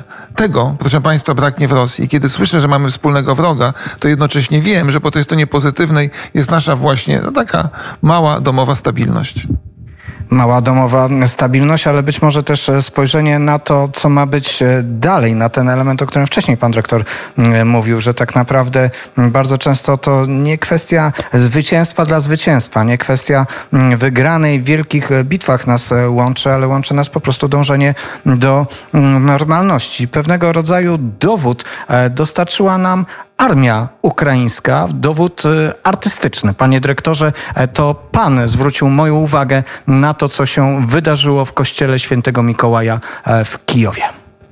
No, cała moja zasługa właśnie na tym, że to ja pana redaktora, y, panu redaktorowi wysyłałem link do tego wydarzenia. Mm, Bardzo to wielowątkowe. Zespół Zbrojnych Sił Ukrainy w kościele świętego Mikołaja w Kijowie wykonał modlitwę o wschodzie słońca. E, Jest tu tyle wątków, że aż boję się rozpoczynać komentować. Po pierwsze jest to pieśń, z którą ja, ale też pan redaktor, zważywszy środowisko, z jakiego pochodzimy, z jakiego pokolenia, zetknęliśmy się w okresie naszej młodości. To nieoficjalny jeden z hymnów Solidarności. E, to pierwszy kontekst bardzo ważny. E, Ukraińcy wybrali dla nas, Polaków, tą pieśń, żeby przyłączyć się do płomienia braterstwa. I teraz proszę sobie wyobrazić pieśń, w którym jest mowa o, e, o tym, żeby Bóg ochronił nas przed pogardy, od pogardy i od nienawiści, która jest śpiewana przez ludzi w mundurach e, w kraju, który prowadzi wojnę. Jest to bardzo ciekawy głos. Ale do tego wszystkiego to wnętrze świętego Mikołaja. Proszę Państwa, święty Mikołaj był przedmiotem sporu. E, Czy ma być świątynią, czy ma być obiektem muzealnym? A tu armia ukraińska w tym kościele śpiewa modlitwę, a solistka przed tą modlitwą, bo to jest pięknie zrobiony w wideoklipie, zachęcam do obejrzenia, klęka w tym kościele i się modli. E, To znowu jest e, pewnego typu symbol. Więc dla mnie ta pieśń jest niebywale symboliczna i zaskakująca, bo gdybym ja był doradcą prezydenta Ukrainy, to nie wymyśliłbym tego dla Polaków. A wydaje mi się, że prezent dla nas jest wspaniały. Wigilię naszego święta wojska, jednocześnie dołączając się do płomienia braterstwa. Czyli w, o tych wszystkich akcjach i o tych wydarzeniach, o których mówimy i o tym kontekście historycznym, o tym szerokim też kontekście historycznym. Dzięki naszym wspaniałym realizatorom Radia Wnet e, teraz Państwo możecie usłyszeć e, tę e, pieśń, która została wykonana w niezwykłej świątyni kijowskiej świętek, pod wezwaniem świętego Mikołaja przez ukraińską armię. Posłuchajmy. Ja właśnie w tym momencie się dowiedziałem. Główny dyrygent, proszę Państwa, nazywa się Dmytro Antoniuk, ale e, to nie jest Dmytro Antoniuk, który siedzi po mojej lewej stronie. To zbieżność e, e, nazwiska. Znany ukraiński dyrygent. Dmytro nie miał w ogóle wątp- wątpliwości, że taki dyrygent jest, bo ja nawet myślałem, że być może jakiś błąd się wkradł. Ale niezwykłe wykonanie tej pieśni, która przecież dla nas jest w ogóle mm, tak silnie związana z tym czasem naszej walki przeciwko komunizmowi. Czy wprowadza jeszcze jakby nowy element e, do e, tych naszych wspólnych e, relacji polsko-ukraińskich. Specjalnie wykonana w ramach tej akcji, o której rozmawialiśmy dzisiaj z Ołeną, czyli Płomień Braterstwa, szczególnie związana z harcerzami. To znowu bardzo ważny element podkreślający przecież i młodość, i wychowanie patriotyczne. I to, o czym mówił dyrektor Czyżewski przed, przed tą pieśnią. Być może pierwszy raz w ogóle puszczoną w polskich mediach, bo ta pieśń ukazała się wczoraj dopiero i dzięki naszym realizatorom. Dzisiaj już mogliśmy ją e, puścić e, na, e, na antenie, ale to ten element właśnie związany z tym, że jest to w kościele świętego Mikołaja, w tej świątyni, o którą trwał tak długo mm, spór, który przenosił się na płaszczyznę polsko-ukraińską, chociaż tak naprawdę to był spór pomiędzy prawosławnymi czy państwem ukraińskim, a rzymskimi katolikami, którzy są Ukraińcami, ale tak się stało, że w jakiś sposób e, m, musieliśmy też w tym wszystkim uczestniczyć jako e, państwo polskie. Spór, który mam nadzieję, że ostatecznie e, za chwilę już e, dobiegnie do końca, czego być może ten występ e, zespołu sił zbrojnych Ukrainy e, w tej świątyni jest dowodem. Ja tylko dodam, że e, osoba e, z imieniem i nazwiskiem e, Dmytro Antoniuk no, po prostu nie mogła nie być zaangażowana w działalność e, ku pojednaniu polsko-ukraińskiemu. To niewątpliwie, Dmytrze, masz e, e, rację. E, Dyrektor Czyżewski głośno się uśmiechnął. To udowodniłeś dzisiaj zresztą w naszej audycji, że twoje zaangażowanie osób o tym imieniu i nazwisku jest tak wielkie, nie tylko w tej płaszczyźnie historycznej, dziennikarskiej, ale też artystycznej. Słysząc modlitwę o wschodzie słońca, słyszę jeszcze, jak zagrałeś na naszej antenie twoją piosenkę, która mam nadzieję, że gdy już się pojawi w wersji nagraniowej, stale zagości też na naszej antenie i może też na antenie e, radiostacji e, ukraińskich, których jest mało polskich piosenek swoją e, drogą, chociaż pieśni, piosenki, które teraz pojawiają się w ukraińskich mediach, szczególnie mi się podobają. Proszę Państwa, stał się w ogóle cud. To, o czym marzyłem i przez lata, nawet przez moich przyjaciół ukraińskich, byłem traktowany w sposób dosyć dziwny, bo się dopytywałem, czemu Ukraińcy mówią po rosyjsku, czemu śpiewają po rosyjsku, czemu puszczają po rosyjską muzykę, czemu rosyjską muzykę puszczają w swoich mediach. I wojna spowodowała to, że tego elementu już nie ma. Gdy się jedzie samochodem przez Ukrainę, co wczoraj no, zajęło mi parę ładnych godzin i słuchałem ukraińskiego radia, a jedno z nich szczególnie mi się spodobało, nazywa się tak jak mm, ten dron, który e, skutecznie niszczy rosyjski sprzęt wojskowy i tam po prostu te nowe pieśni ukraińskie w języku ukraińskim o jednoznacznej tematyce e, cały czas goszczą. Ja e, też dodam, że to, e, ta radiostacja e, nazywa się Bajrak Nektar, a wcześniej nazywało się Ruskie Radio. Nawet tak się wyświetla na wyświetlaczu jeszcze. Tam jeszcze elektronicznie zostało to zmienione, co dodaje pewnej pikanterii tak naprawdę, bo gdy się widzi ruskie radio, które e, emituje jas, jawnie antyrosyjskie piosenki, to wydaje się to e, bardzo, bardzo e, ciekawe i, i, i, i, właściwe w tym momencie. I, Ale tak. I jeszcze, I jeszcze jeden wątek. Akurat pan dyrektor wczoraj był chyba na zakupach i u siebie w profilu społecznościowym e, umieścił informację o słynnej kiełbasie, która e, wcześniej nazywała się Moskiewska. Ale to e, dyrektor na chwilę gdzieś pobiegł chyba do kuchni, być może przyniesie tę kiełbasę, ale to przypomnijmy, że my cały czas jako pretekst, żeby o tym wszystkim Państwu opowiadać, wykorzystujemy nasze wspomnienia sprzed dwóch lat i naszą akcję Rok 1920 Pamięć w czasach zarazy, której towarzyszył ten sygnał dźwiękowy.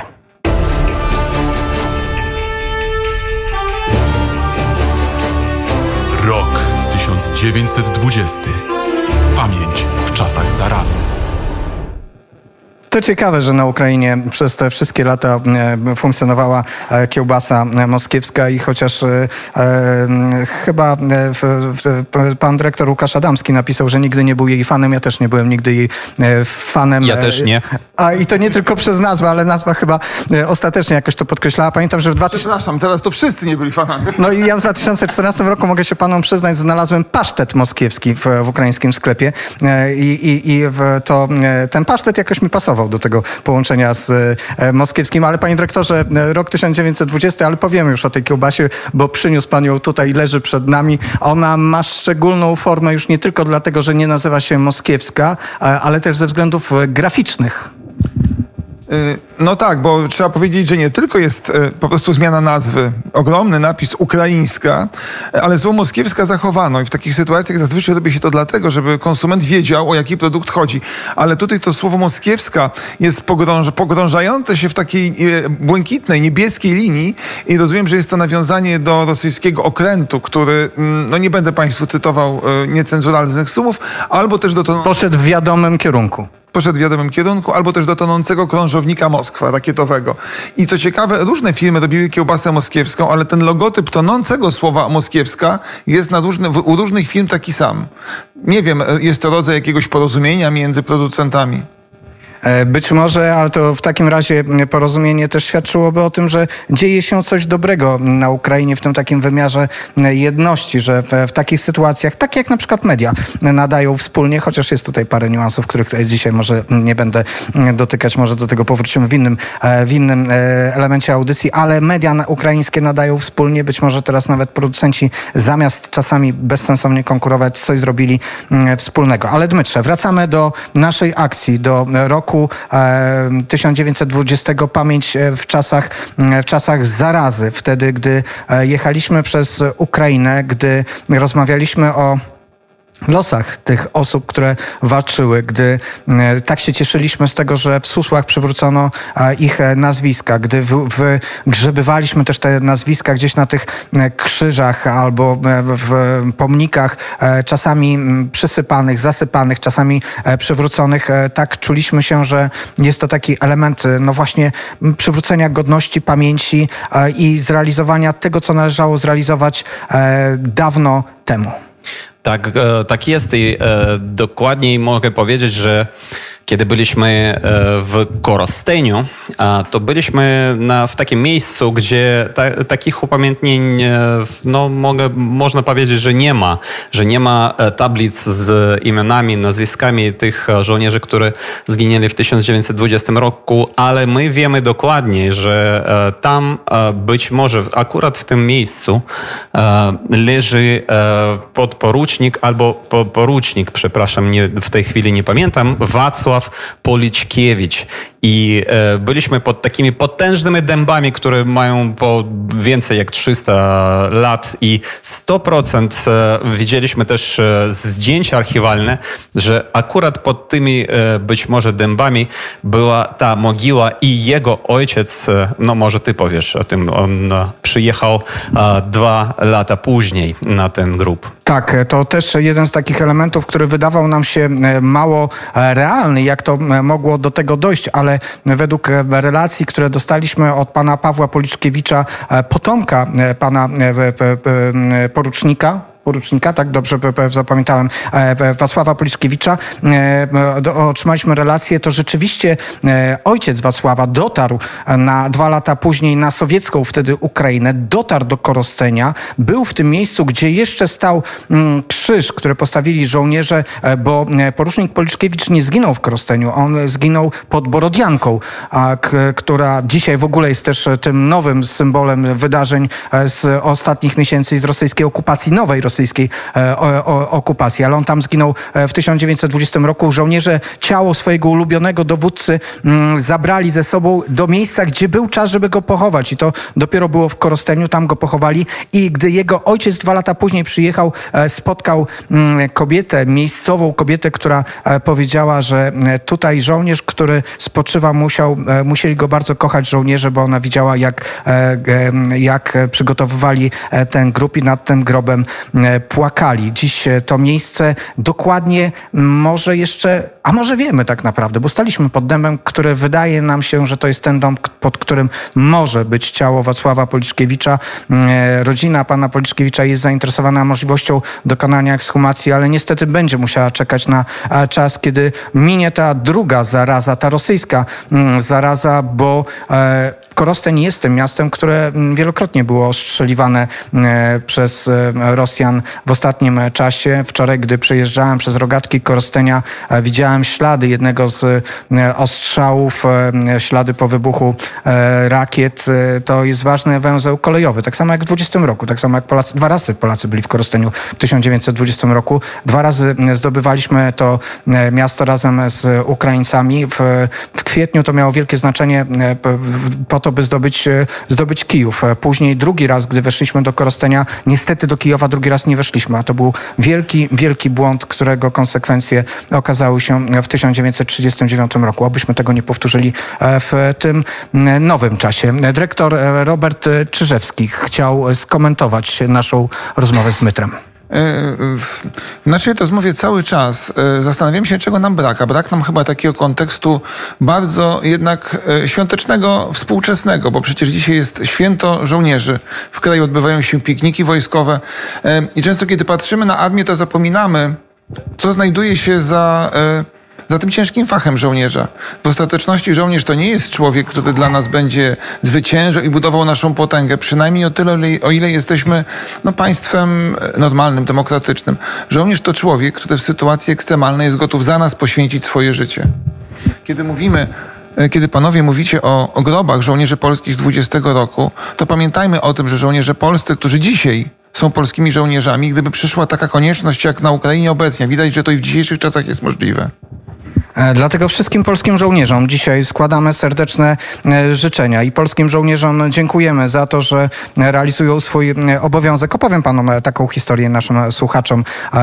Zostałem ostatnio poproszony o wsparcie jednej z akcji zbiórki pieniędzy dla ukraińskiej armii i stał za tym, czy jak w jakiś sposób był związany też młody polski dziennikarz, który dzisiaj zbiera pieniądze na, dla ukraińskiej armii w, w akcji, której ostatecznie nie zdecydowałem się wesprzeć, dlatego że e, wtedy, gdy my z metrem jeździliśmy i wspominaliśmy rok e, 1920, to ten młody człowiek apelował, żeby zlikwidować polską armię, żeby mm, zamiast e, żołnierzy e, Wojsk Obrony Terytorialnej byli lekarze, bo widział największe niebezpieczeństwo w pandemii, a nie widział e, wtedy niebezpieczeństwa e, w zagrożeniu zewnętrznym. Być może dzisiaj rzeczywiście zmienił poglądy i dlatego, dlatego e, dzisiaj zbiera pieniądze na ukraińską armię, ale e, ponieważ nie do końca jestem co do tego przekonany, to myślę, że tych zbiórek na ukraińską armię jest tak wiele, że można znaleźć inną, na przykład e, ta, która już się za- zakończyła, czyli w kupno e, Bajraktarów. E, Tam udało się zebrać pieniądze, czy te rzutki i akcje, które Państwo cały czas wspieracie na antenie naszego radia w, w net. Ale to też pokazuje, że nie wszyscy chyba sobie zdają sprawę z tych zagrożeń. No nie wszyscy te zagrożenia widzieli też jakiś czas temu, a one w naszych głowach, Dmytrze, wtedy siedziały. Dmytro, chyba mamy jeszcze jeden fragment przygotowany. Tak, e, być może z, e, puścimy fragment, z, który był nagrany 1 sierpnia. I e, wtedy byliśmy, e, już nie pamiętam gdzie dokładnie, ale... To sami, sami mamy teraz możliwość przypomnieć sobie. E, Dmytro wybierał te fragmenty i wtedy na pewno wiedział, gdzie byliśmy, a dzisiaj e, być może przez chwilę znowu zapomnieliśmy, bo dzieje się wiele, proszę Państwa. Jesteśmy też, i to warto o tym pamiętać, że jesteśmy w mieście, które chociaż dzisiaj ta atmosfera jest spokojna i Bogu dzięki nie ma alarmów bombowych, ale gdy dzisiaj jechaliśmy samochodem i pojawiają się cały czas w ukraińskim radiu ostrzeżenia o, o alarmach bombowych, to gdy e, rozmawiamy i nie słyszymy, e, to pojawia się na koniec to pytanie, w którym mieście? To Kijów? Nie, to nie Kijów, to Mikołajów. I nie wiadomo, czy wtedy powiedzieć na szczęście, bo przecież nie na szczęście, bo to oznacza, że rakiety lecą na Mikołajów, ale nie lecą na Kijów. Taka jest ta e, realność 2022 roku mm, w ukraińskiej stolicy. To co? Wracamy do tego fragmentu. Asia Reiner w Warszawie realizuje nasz program i teraz puści dla nas kolejny fragment z 2020 roku. року. Znacie Państwo już ten dżingiel, ten sygnał dźwiękowy, pamięć w czasach zarazy, rok 1920. On zapowiada oczywiście nasze materiały z wyjazdów, z tej wyprawy szlakami walk 1920 roku e, sojuszniczych armii Piłsudskiego i Petluri. W tym tygodniu również z Dmytrem Antoniukiem podróżowaliśmy przez Ukrainę i towarzyszyliśmy e, w rekonesansie zorganizowanym przez Kon- Konsulat Generalny Rzeczypospolitej Polskiej w Lwowie, e, przez panią konsul generalną Elizę Dzwonkiewicz i e, pana konsula e, Rafała e, Kocota. E, Tym razem pojechaliśmy na południe od e, Lwowa w stronę Dniestru. Tam nie tylko Polacy walczyli w 20 roku, ale też żołnierze Symona Petlury. Odwiedziliśmy innymi Bursztyn, Dytiatyn. Stamtąd nadawaliśmy dla Państwa relacje na żywo. To jedno z tych miejsc, które jest określanym polskimi termopilami. Walki tam trwały do końca. Opowiadaliśmy o tym. Materiał jest do odsłuchania na, na portalu Radia Wnet. Serdecznie e, zapraszam. Byliśmy też w Haliczu, ale naszą wyprawę zaczęliśmy od e, Rochatyna. Tam e, rozmawiałem z konsulem Rafałem Kocotem i z panią konsul generalną Elizą Dzwonkiewicz. Posłuchajcie Państwo. Od dzisiejszego objazdu na ziemi stanisławowskiej odwiedzamy, odwiedzamy mogiły żo- żołnierzy polskich, którzy polegli we wrześniu 20 roku. To są mogiły, które e, z kompanii, kiedy Polska przeszła do kontrofensywy i za- zaatakowała wojska sowieckie razem z wojskami Ukraińskiej Republiki Ludowej, tutaj od strony Rochatyna, Stanisławowa przez Dniestr na, na Podole. Tu spoczywa 49 żołnierzy polskich poległych w ciężkich walkach o wolność ojczyzny w latach 1919-1920. Cześć bohaterom. E, I to jest tablica, która, jak rozumiem, e, zachowała się tutaj. Pomnik e, jest tak zbudowany, że można się orientować na cztery strony świata i z każdej strony e, widać, że były jakieś tablice, ale pozostała ta jedna, a w, miejscu tych, których nie ma, są po prostu takie puste wnęki. Pomnik jest piękny, widać z daleka, że to jest monument i że jest to jakiś pomnik chwały. Dwa orły po bokach, a po środku e, kobieta oparta o krzyż. Dla nas jest ważne, że tutaj przyjeżdża młodzież z Polski, z Częstochowy, e, z klas mundurowych i uważam, że to jest w ogóle wspaniała sprawa, że e, powinniśmy tak robić. Powinniśmy mieć miejsca, którymi się opiekujemy, z którymi się jakoś emocjonalnie zżywamy e, i że ponieważ w tych miejscowościach często tutaj na Ukrainie już nie ma Polaków, to faktycznie mamy obowiązek pamiętać o tych miejscach i przyjeżdżać tutaj i wychowywać w ten sposób młodych ludzi. Mm, Także cieszymy się i gratulujemy. Jeśli nas e, słyszy młodzież, to pozdrawiamy i e, cieszymy się, że ten pomnik jest też tak zadbany tutaj. Również pozdrawiamy e, te osoby, które pamiętają o tych e, miejscach m, pochówków. E, Nie tylko z 20 roku, w e, tym tygodniu też e, polscy motocykliści są na Ukrainie. Przyjechali tutaj e, pomimo problemów związanych e, z pandemią e, i e, czyszczą, e, przywracają e, pamięć e, na tych cmentarzach, w tych miejscach, e, gdzie są e, pomniki e, związane z wydarzeniami historycznymi, wydarzeniami e, Rzeczypospolitej. E, To mówiła pani konsul Eliza Dzwonkiewicz. E, Wcześniej wcześniej na początku materiału był konsul e, Rafał Kocot. Byliśmy wśród, w czasie tej wyprawy także w Bursztynie. Tam niestety nie udało nam się w pełni odnaleźć e, pochówków z 20 roku. E, Pan konsul miał zebrane informacje sprzed kilku lat na tym miejscu, gdzie prawdopodobnie była kwatera żołnierzy z 20 roku. Tam są takie ślady, m, które mogą wskazywać na to, że rzeczywiście było jakieś upamiętnienie przedwojenne.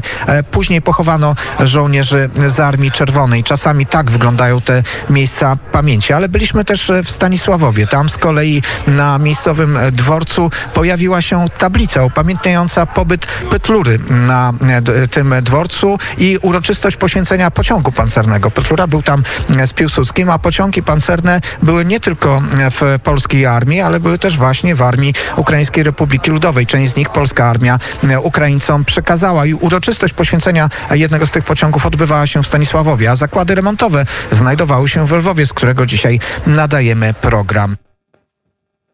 No i akurat e, to było nasze spotkanie z konsulatem e, generalnym Rzeczypospolitej Polskiej w Lwowie, który organizował ten e, wyjazd nasz na te, na te mogiły, a dalej już po tej całej naszej akcji w, w, konsulat Rzeczypospolitej Polskiej wydał książkę o śladach pamięci z tej wojny e, w, e, na terenie e, konsularnym w, w Ukrainie. I też ta książka ukazała się w językach ukraińskim oraz polskim. Do tej książki jest dołączona mapa interaktywna, bo nie interaktywna, tam są QR-kody. Wystarczy je zeskanować i możecie Państwo po prostu trafić na te miejsca, które opisywaliśmy, które odwiedziliśmy, na których zapaliliśmy e, z- znicze, e, przywracając p- często pamięć o, e, o tych żołnierzach, którzy tam są e, pochowani. E, Oczywiście trzeba poczekać na inny e, czas e, na Ukrainie, na ten czas, gdy Ukraina e, z nową Bolszewią, e, z Rosją putinowską po prostu e, zwycięży. Dyrektor Robert Czyżewski. E, Rozumiem, że y, temat 20 roku to już jest w pewnym sensie wspomnienie. Wspomnienie piękne, miłe, ja y, uważam, że niesłychanie potrzebne. Ale ja mam w tej chwili w ręku coś, co jest według mnie przedłużeniem na następny rok takiego myślenia o poszukiwaniu wspólnych fragmentów historii. E, Czasu mamy niewiele, więc ja powiem tylko, że w moim ręku jest trójdzielny herb, e, będący jednocześnie wojskowym, e, wojskowym emblematem na rzep, przyczepiany do rękawu. E, Ale e, symbol, symbolicznie jest nie tylko to, że jest to herb z okresu powstania styczniowego, ale również kto to zrobił. Otóż kiedy jeszcze przebywałem w Polsce, w, e, było to bodaj w kwietniu albo w marcu w czasie ewakuacji, to dotarło do mnie pytanie od zaprzyjaźnionych e, kijowskich studentów historii, żebym im pomógł z tematyką powstania styczniowego na obszarze ukraińskim, że potrzebują tego emblematu. Więc oczywiście pomogłem. Wcześniej robiliśmy różne projekty razem z tą grupą studentów.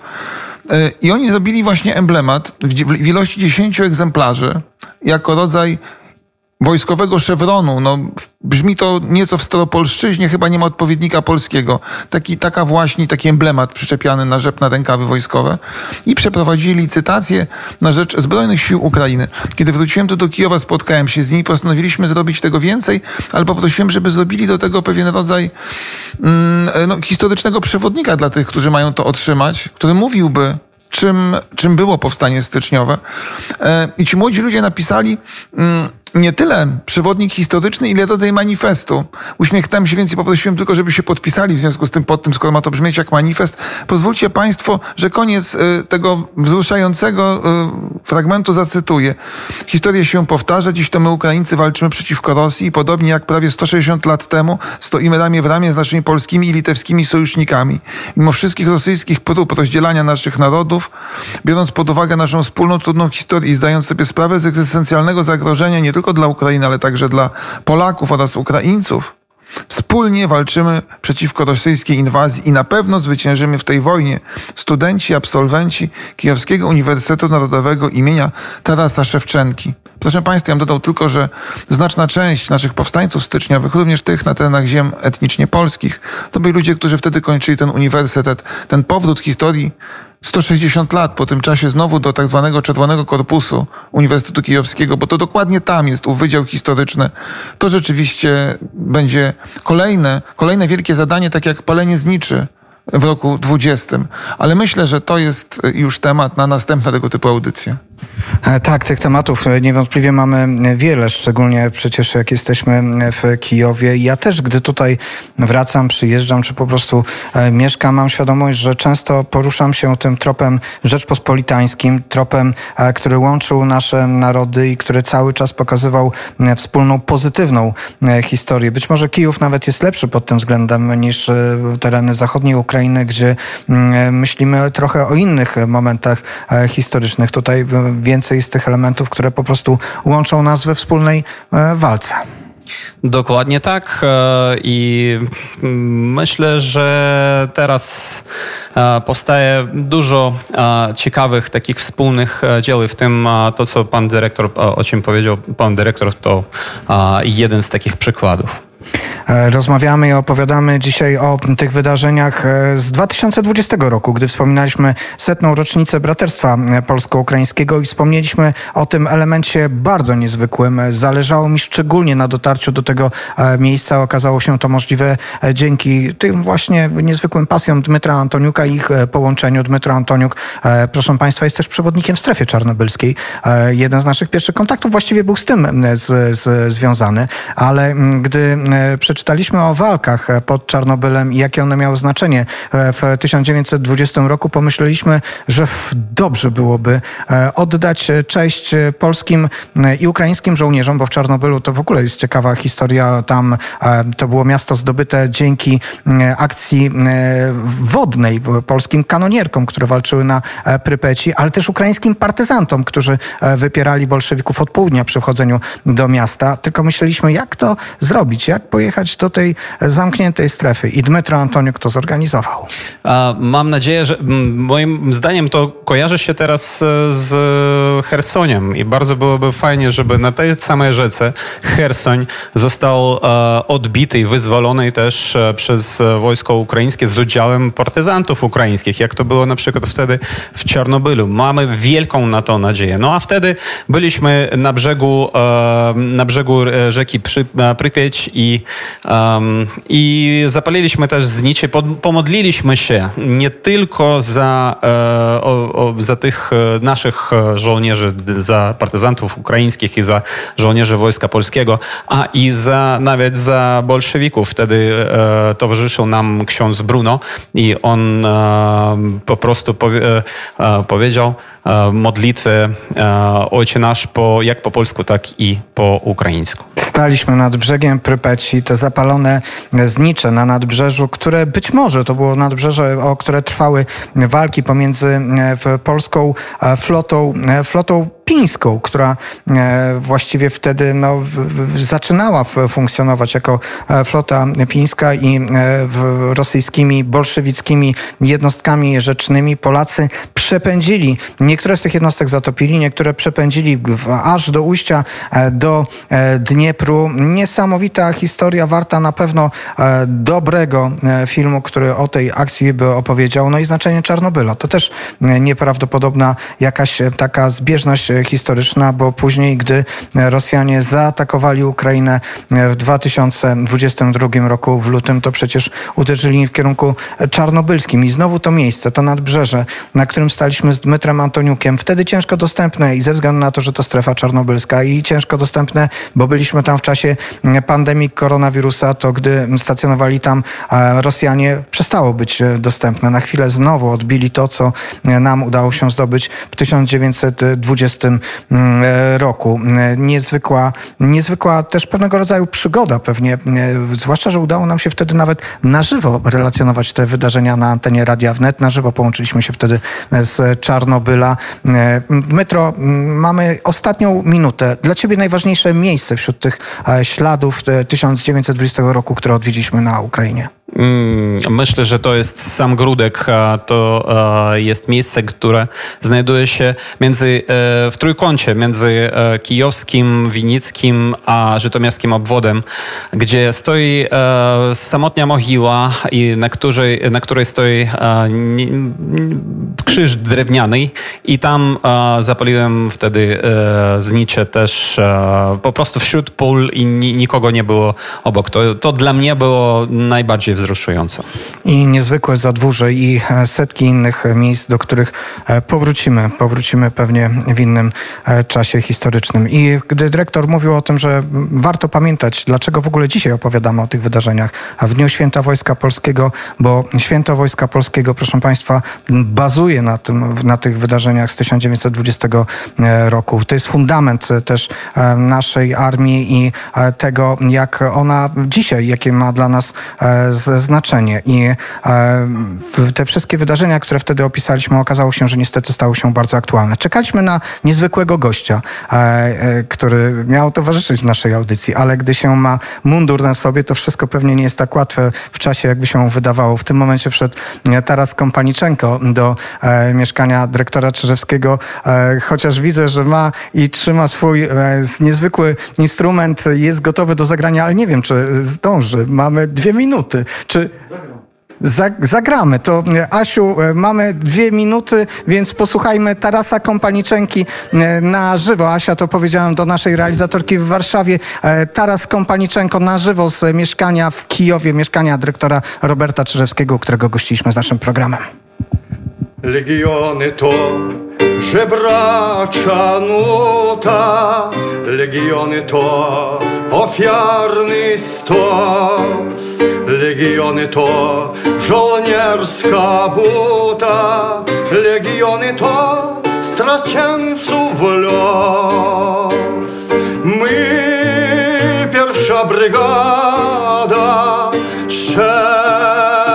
strzelecka gromada, na stos rzuciliśmy swój życia los, na stos, na stos, na stos rzuciliśmy swój życia los, na stos, na stos. Nie chcemy już od was uznania, nie waszych muł, nie waszych łez. Skończy się dni kołatania do waszych dusz, do waszych kies. My, pierwsza brygada, I w tle słyszycie Państwo Tarasa Kompaniczenkę. Niestety musimy kończyć i nie usłyszycie Państwo tego niezwykłego przecież utworu, który śpiewa wybitny bard ukraiński w mundurze ukraińskiego żołnierza, bo dzisiaj Taras Kompaniczenko broni Ukrainy i broni też naszego kraju. Z Kijowa żegnają się Dmytro Antoniuk. i Paweł Bobułowicz.